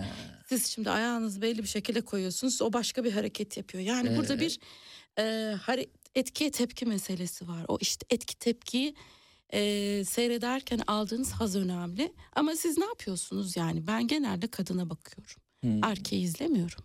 Kadını izliyorum. Erkek lead ediyor ama ben kadını izliyorum. Kadın erkeğin leadleri karşısında nasıl davranıyor diye bakıyorum. Hmm, Nasıl davranıyor? Nasıl davranması gerekiyorsa öyle davranması gerektiğini bekliyorum şimdi. Onun hareket, ayak hareketlerine bağlı tabii ki. Evet. Ama e, ne kadar estetik o kadın işte o önemli. Ha. Ya ben e, de bir, bir dönem e, kısa bir süre yani birkaç ay tango yapmıştım ama yani mantığa bakılınca hani birinin lead etmesi lazım. O da erkek olsun düşüncesi aslında bizi şunu götürüyor. Ailenin de bir şekilde reisi olması lazım. O yüzden erkek olsun ailenin reisi düşüncesinden ne farkı var tangodaki erkeğin onu yönetmesi fikrinin? E, yok bence bakın şimdi ileriki zamanlarda belki kadınlar erkek figürlerini öğrenip erkekleri lead edecek yani. Hmm. Şimdi böyle ama bakın Hmm. her şey bir değişime e, tabi bu dünyada. Yani ben e, tango hocalarının hem kadın hem de erkek hareketlerini bildiğini biliyorum. Yani kadınlar erkeği biliyor, erkekler de kadını biliyor. Hmm. Lead edilmek istemiyorsanız o zaman siz de erkek hareketlerini öğrenin madem öyle değil mi kadınlar? Hmm. Arjantin tango değil başka bir şey yapılmış Bu olacak Arjantin olursa. ta- Ha, bu, bu Bilmiyorum. Arjantin tango. O, Ama o zaman her adı şey- Arjantin tango olmayacak E, o zaman. Şimdi dil yaşıyor, her şey yaşıyor. Tango da yaşasın o zaman değişsin değil mi? Hmm. Bu peki yapıldığı bir yer var mı? Bir toplum ya da bir Yo ülke ben erkeklerin birlikte dans ettiğini, kadınların birlikte dans ettiğini, birinin erkek, birinin kadın, sonra değişip birinin kadın, birinin erkek olduğunu çok görüyorum. Bu arada Rütük için açıklıyorum. Tangodan bahsediyoruz sevgili dinleyenler. Rol değişimi derken başka bir şey anlatmıyoruz. Lütfen e, fantazi dünyanızın rengarenk olmasını bize bağlamayın. Bizim bahsettiğimiz şey tango sevgili Aynen. dinleyenler. Aynen. Evet. Ama yapılıyor yani şey değil yani. Hani ayıbı gayıbı yok ya da bir cinsiyetçi Tabii canım ayrımcılıkla niye olsun alakası zaten yok. o kadar her şey ayıp şeyine sokuluyor ki bir süre sonra şu bile denebilir. Tango Türk aile yapısına aykırı bile denebilir. Ondan sonra uğraşın durun yani hani saçmalıkları. Bu arada edebiyatla kesişecek herhalde tangonun yolu nasıl kesişecek? Evet evet bundan sonra yazdığım şeylerin sanırım bununla e, bağlantısı olacak. Çünkü ben ister istemez yaşadıklarımdan beslenen bir e, yazarım. Hı hı. E, bu minvalde de gideceğim. Yine bir roman çıkacak. E, bilmiyorum. Daha kişi. kısa bir şeyler Hmm. düşünüyorum romandan ziyade. Çünkü ben daha küçük, daha e, kompakt, daha yoğun ama Hmm. daha ince bir şeylerin peşindeyim artık. Hmm, peki. Biraz dinlendirmiş olalım. Bir iki dakika sizi. Tamam. Ee, Arter e, bir sanat oluşumu olarak güzel işler yapıyor. Yani sanat deyince benim de aklıma gerçekten e, yaptığı sergilerle ve yayınlarla Arter geliyor e, sevgili dinleyenler. Bu arada bana e, Arter'den gelen kitaplardan bir tanesini biraz önceki konuğa hediye etmiştim. Diğeri yani iki tane gönderiyorlar. Diğerini de e, şimdi Müjde Alganer'e vermek istiyorum. Ederim. Ee, R kitabın adı. Ee, bu kitap çağdaş sanat alanında çalışan kültür üreticilerinin kendi bakış açılarını, araştırma yöntemlerini ve ifade dillerini oluşturmalarını desteklemeyi amaçlıyor. Ee, ve bu bu kapsamda Arter Araştırma Projesi'nin 2020-2021 dönemi çalışmaları kapsamında üretilmiş. Kitabın içeriğini açık çağrıya cevaben Arter'e ulaşan başvuruların değerlendirilmesi sonucunda programa katılan Kerem Altaylar, Eylem Ejder, Najbir Erkol, Alev Ersan, Furkan Öztekin eee, gibi sanatçıların eserleri oluşturuyor ve bu kapsamda yapmış oldukları araştırmalarla bağlantılı katkılarının yanı sıra program kapsamında birlikte üretilen metinler oluşturuyormuş. Çok teşekkürler. Arter'in bu son yayınını size Hmm. vermiş olalım. Bugün e, kargodan neler geldi diye baktığımda e, belki de dünyanın sonundayım adlı roman Yavuz Ekinci'nin Ev- Everest'ten çıkmış sizin gruptan Evet evet Alfa bir grubu. şey geldi paket geldi E, o gün geldiğinde yalnız olacaksın diyor seni kim hatırlayacak sözünün yankısı kaç kuşağa ulaşacak zamanın hükmüne ve ölümün mutlaklığına rağmen başardıklarını kaç ömür daha yaşayacak e, alt başlığıyla Yavuz Ekinci'nin romanı Hı hı. ee, okuduğum zaman teşekkürler imzalı gönderdiği için. Ee, masalımla Serhat Sarı Sözen için belki de dünyanın sonundayım masalımla diye imzalamış. Okuduktan sonra daha detaylı konuşuruz. Gamze Süner Atay'ın 5. kattan düştüm deliyim o zaman adlı bir başka e, kitabı ulaştı. Bir şiir kitabı bu e, sevgili dinleyenler. Kaç şiirden oluşuyormuş? 47 şiirden, 48 şiirden oluşuyor. Ee, başka bir zamanda ve başka bir e, uzamda e, daima sanatla buluşmak dileğiyle diye imzalı göndermiş Gamze Sümer Atay. Teşekkür ediyorum. Ee, ve Hasan Özkılıç'ın Şima romanını görüyorum. Ee, imzalı göndermediği için geçiyorum bunu demeyeceğim tabii ki şaka bir tarafa. Ee, birdenbire ortadan kaybolan karısını ve aklındaki soruların yanıtlarını bulmak için Ağrı Dağı'nın gölgesinde yollara düşen Behram hem umut hem de hayal kırıklığı yaratan ipuçlarının peşinde kaybolur. Şairlerin, şiirlerin ve ayrılık hikayelerinin harmanlandığı masalsı bir coğrafyada kaderine karşı savaşırken kalbinde iki kadın aklında tek bir soru vardır. İnsanlar çift doğarmış peki ya aşklar diye soruyor. Ne dersiniz? Aşklarda çift mi doğar böyle? Kim bilir? Kim bilir? Gittiniz mi Olabilir. bu arada Ağrı Dağı'na siz? Gitmedim. Ee, seyahat İsterim. sever misiniz? Çok. Ee, nereleri e, böyle sizin aklınızda kalan ve unutmadığınız iki gittin dediğiniz yerler nereler var mesela? Valla İzni'ye gitmiştim. Orada bir eski Osmanlı köyüne. Hmm. Hiç unutmuyorum yani. Hiç unutamıyorum orayı. Adını bile unuttum ama İznik'te eski bir Osmanlı köyüydü. Fotoğraf çekip dere kenarında acayip güzel zaman geçirmiştim. Hiç e, şey aklımdan çıkmadı. O zaman siz şehirden ziyade böyle doğa Daha, gerçi biraz önce söylemiştiniz bunun benzerini. Sezgin Irmak'ın e, Serçeler Düşerken adlı e, bir başka e, romanı da yine gelenler arasındaydı.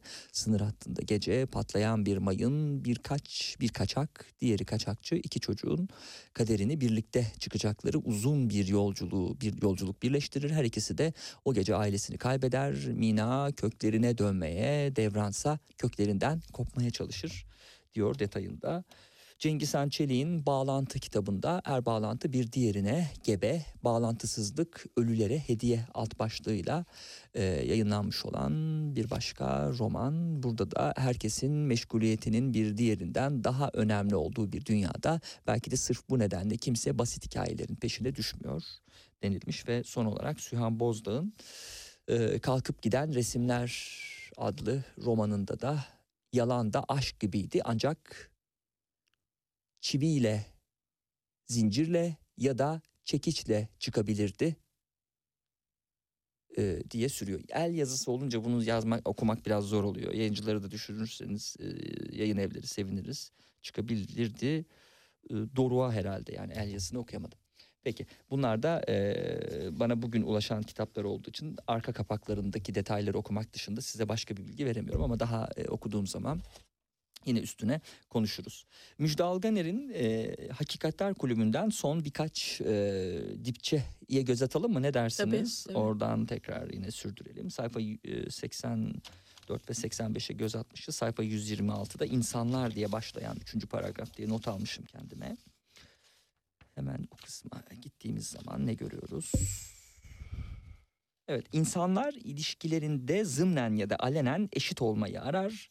Tamamen beyinde başlayıp biten bir eşitlik olgusundan bahsediyorum. Hepinizin içinde vazgeçilmez bir adil düzen arayışı bulunur.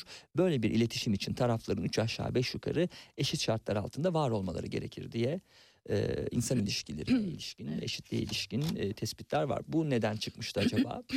Bu ifadeler. Bu ifadeler şöyle aslında Simla eşiyle ilgili sıkıntılar yaşıyor. Evliliğinde sıkıntılar yaşıyor hastalıktan sonra. Eşi ondan uzaklaşıyor. Şimdi spoiler veriyorum ama okumayanlar için. Sonunu söylemeyeceğim Hı tabii. hı. Çünkü ben söyleyeceğim. Uzaklaşınca e, içindeki o diğer ses seninle eşit olmadığını e, lütfen hatırlar mısın diyor Simla'ya. Eşit e, düzlemde değilsiniz artık. O yüzden e, hoş görmelisin. Bu kendine yaptığı bir hatırlatma aslında böyle çok da acı bir hatırlatma Hmm. yani. E, bir bakıma kadın ve erkek rollerine ilişkin bir hatırlatma. Orada başka mevzular da var buna. Cinsellik de dahil. E, orada yine de e, hasta olan ama yine de e, hayatı devam eden, hayatı her fazla devam eden bir erkeğin hissettiklerine dair duyguları bir kadın olarak anlamaya çalışı, çalışma e, içgüdüsü var. Hmm. Özgürlükle bitirelim e, Tamam. son dipçemizi ve bu kitaba ilişkin konuşacaklarımızı. Özgürlüğe kavuşmaya çalışan ruh sıkışıp kaldığı bedende, mekanda seçtiklerinin seçmediklerinin ortasında çektiği acının hiç bitmeyeceğini düşünür umutsuzca. Hayatın acılarından kaçabilmek mümkün mü?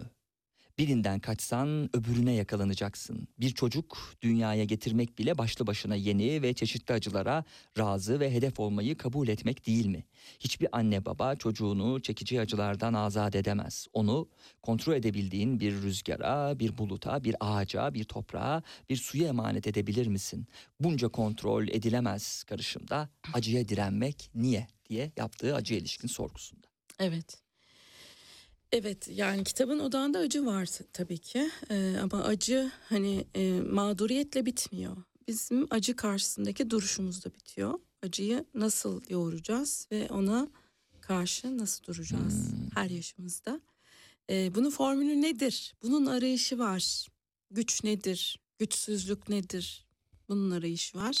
Hep bu soruların etrafında dönüp dolaşan bir roman Hakikatler Kulübü e, yakın zamanda Ocak ayında yayınlandı evet. kitap. Evet, Şubat'ta, e, Şubat'ta yayınlandı. Evet. evet teşekkürler bu kadar kısa sürede e, siz de bizim programımıza katıldığınız için tekrar ben, e, sağ olun. Var mı son olarak söyleyeceğiniz ben bir şey? Ben teşekkür ederim. Çok güzel sorular, çok güzel irdelemişsiniz kitabı. Ee, şahane. Biz teşekkür ederiz. Hı. Ee, Müjde Alganer ilk ikinci kısmında da programın konuydu. Herkese hoşçakalın diyelim. 18 haberlerinde bağlanacağız biraz sonra. Bizden bu kadar.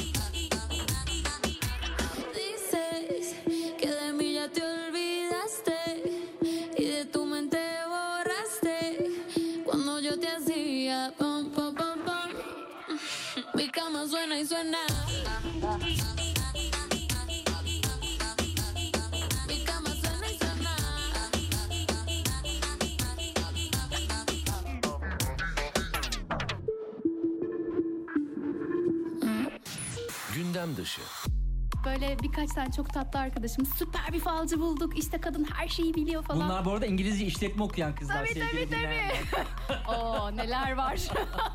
Böyle ayağı aksayan bir gözü kapalı bir bayan içeriye giriyor beyaz saçlı. Abla içeriye girer girmez Semih kim diye bir soru sordu bana. O zaman Semih benim platonik takıldığım biriydi enteresan bir deneyimdi. Kısaca ondan sonra hiçbir falcı deneyimim olmadı. o sondu. Peki e, şu an aklımda olan e, ve bana neredeyse öyküyü bile unutturan dinleyicilerimizin de merakla beklediği soru. Semih Eyvah. ne oldu?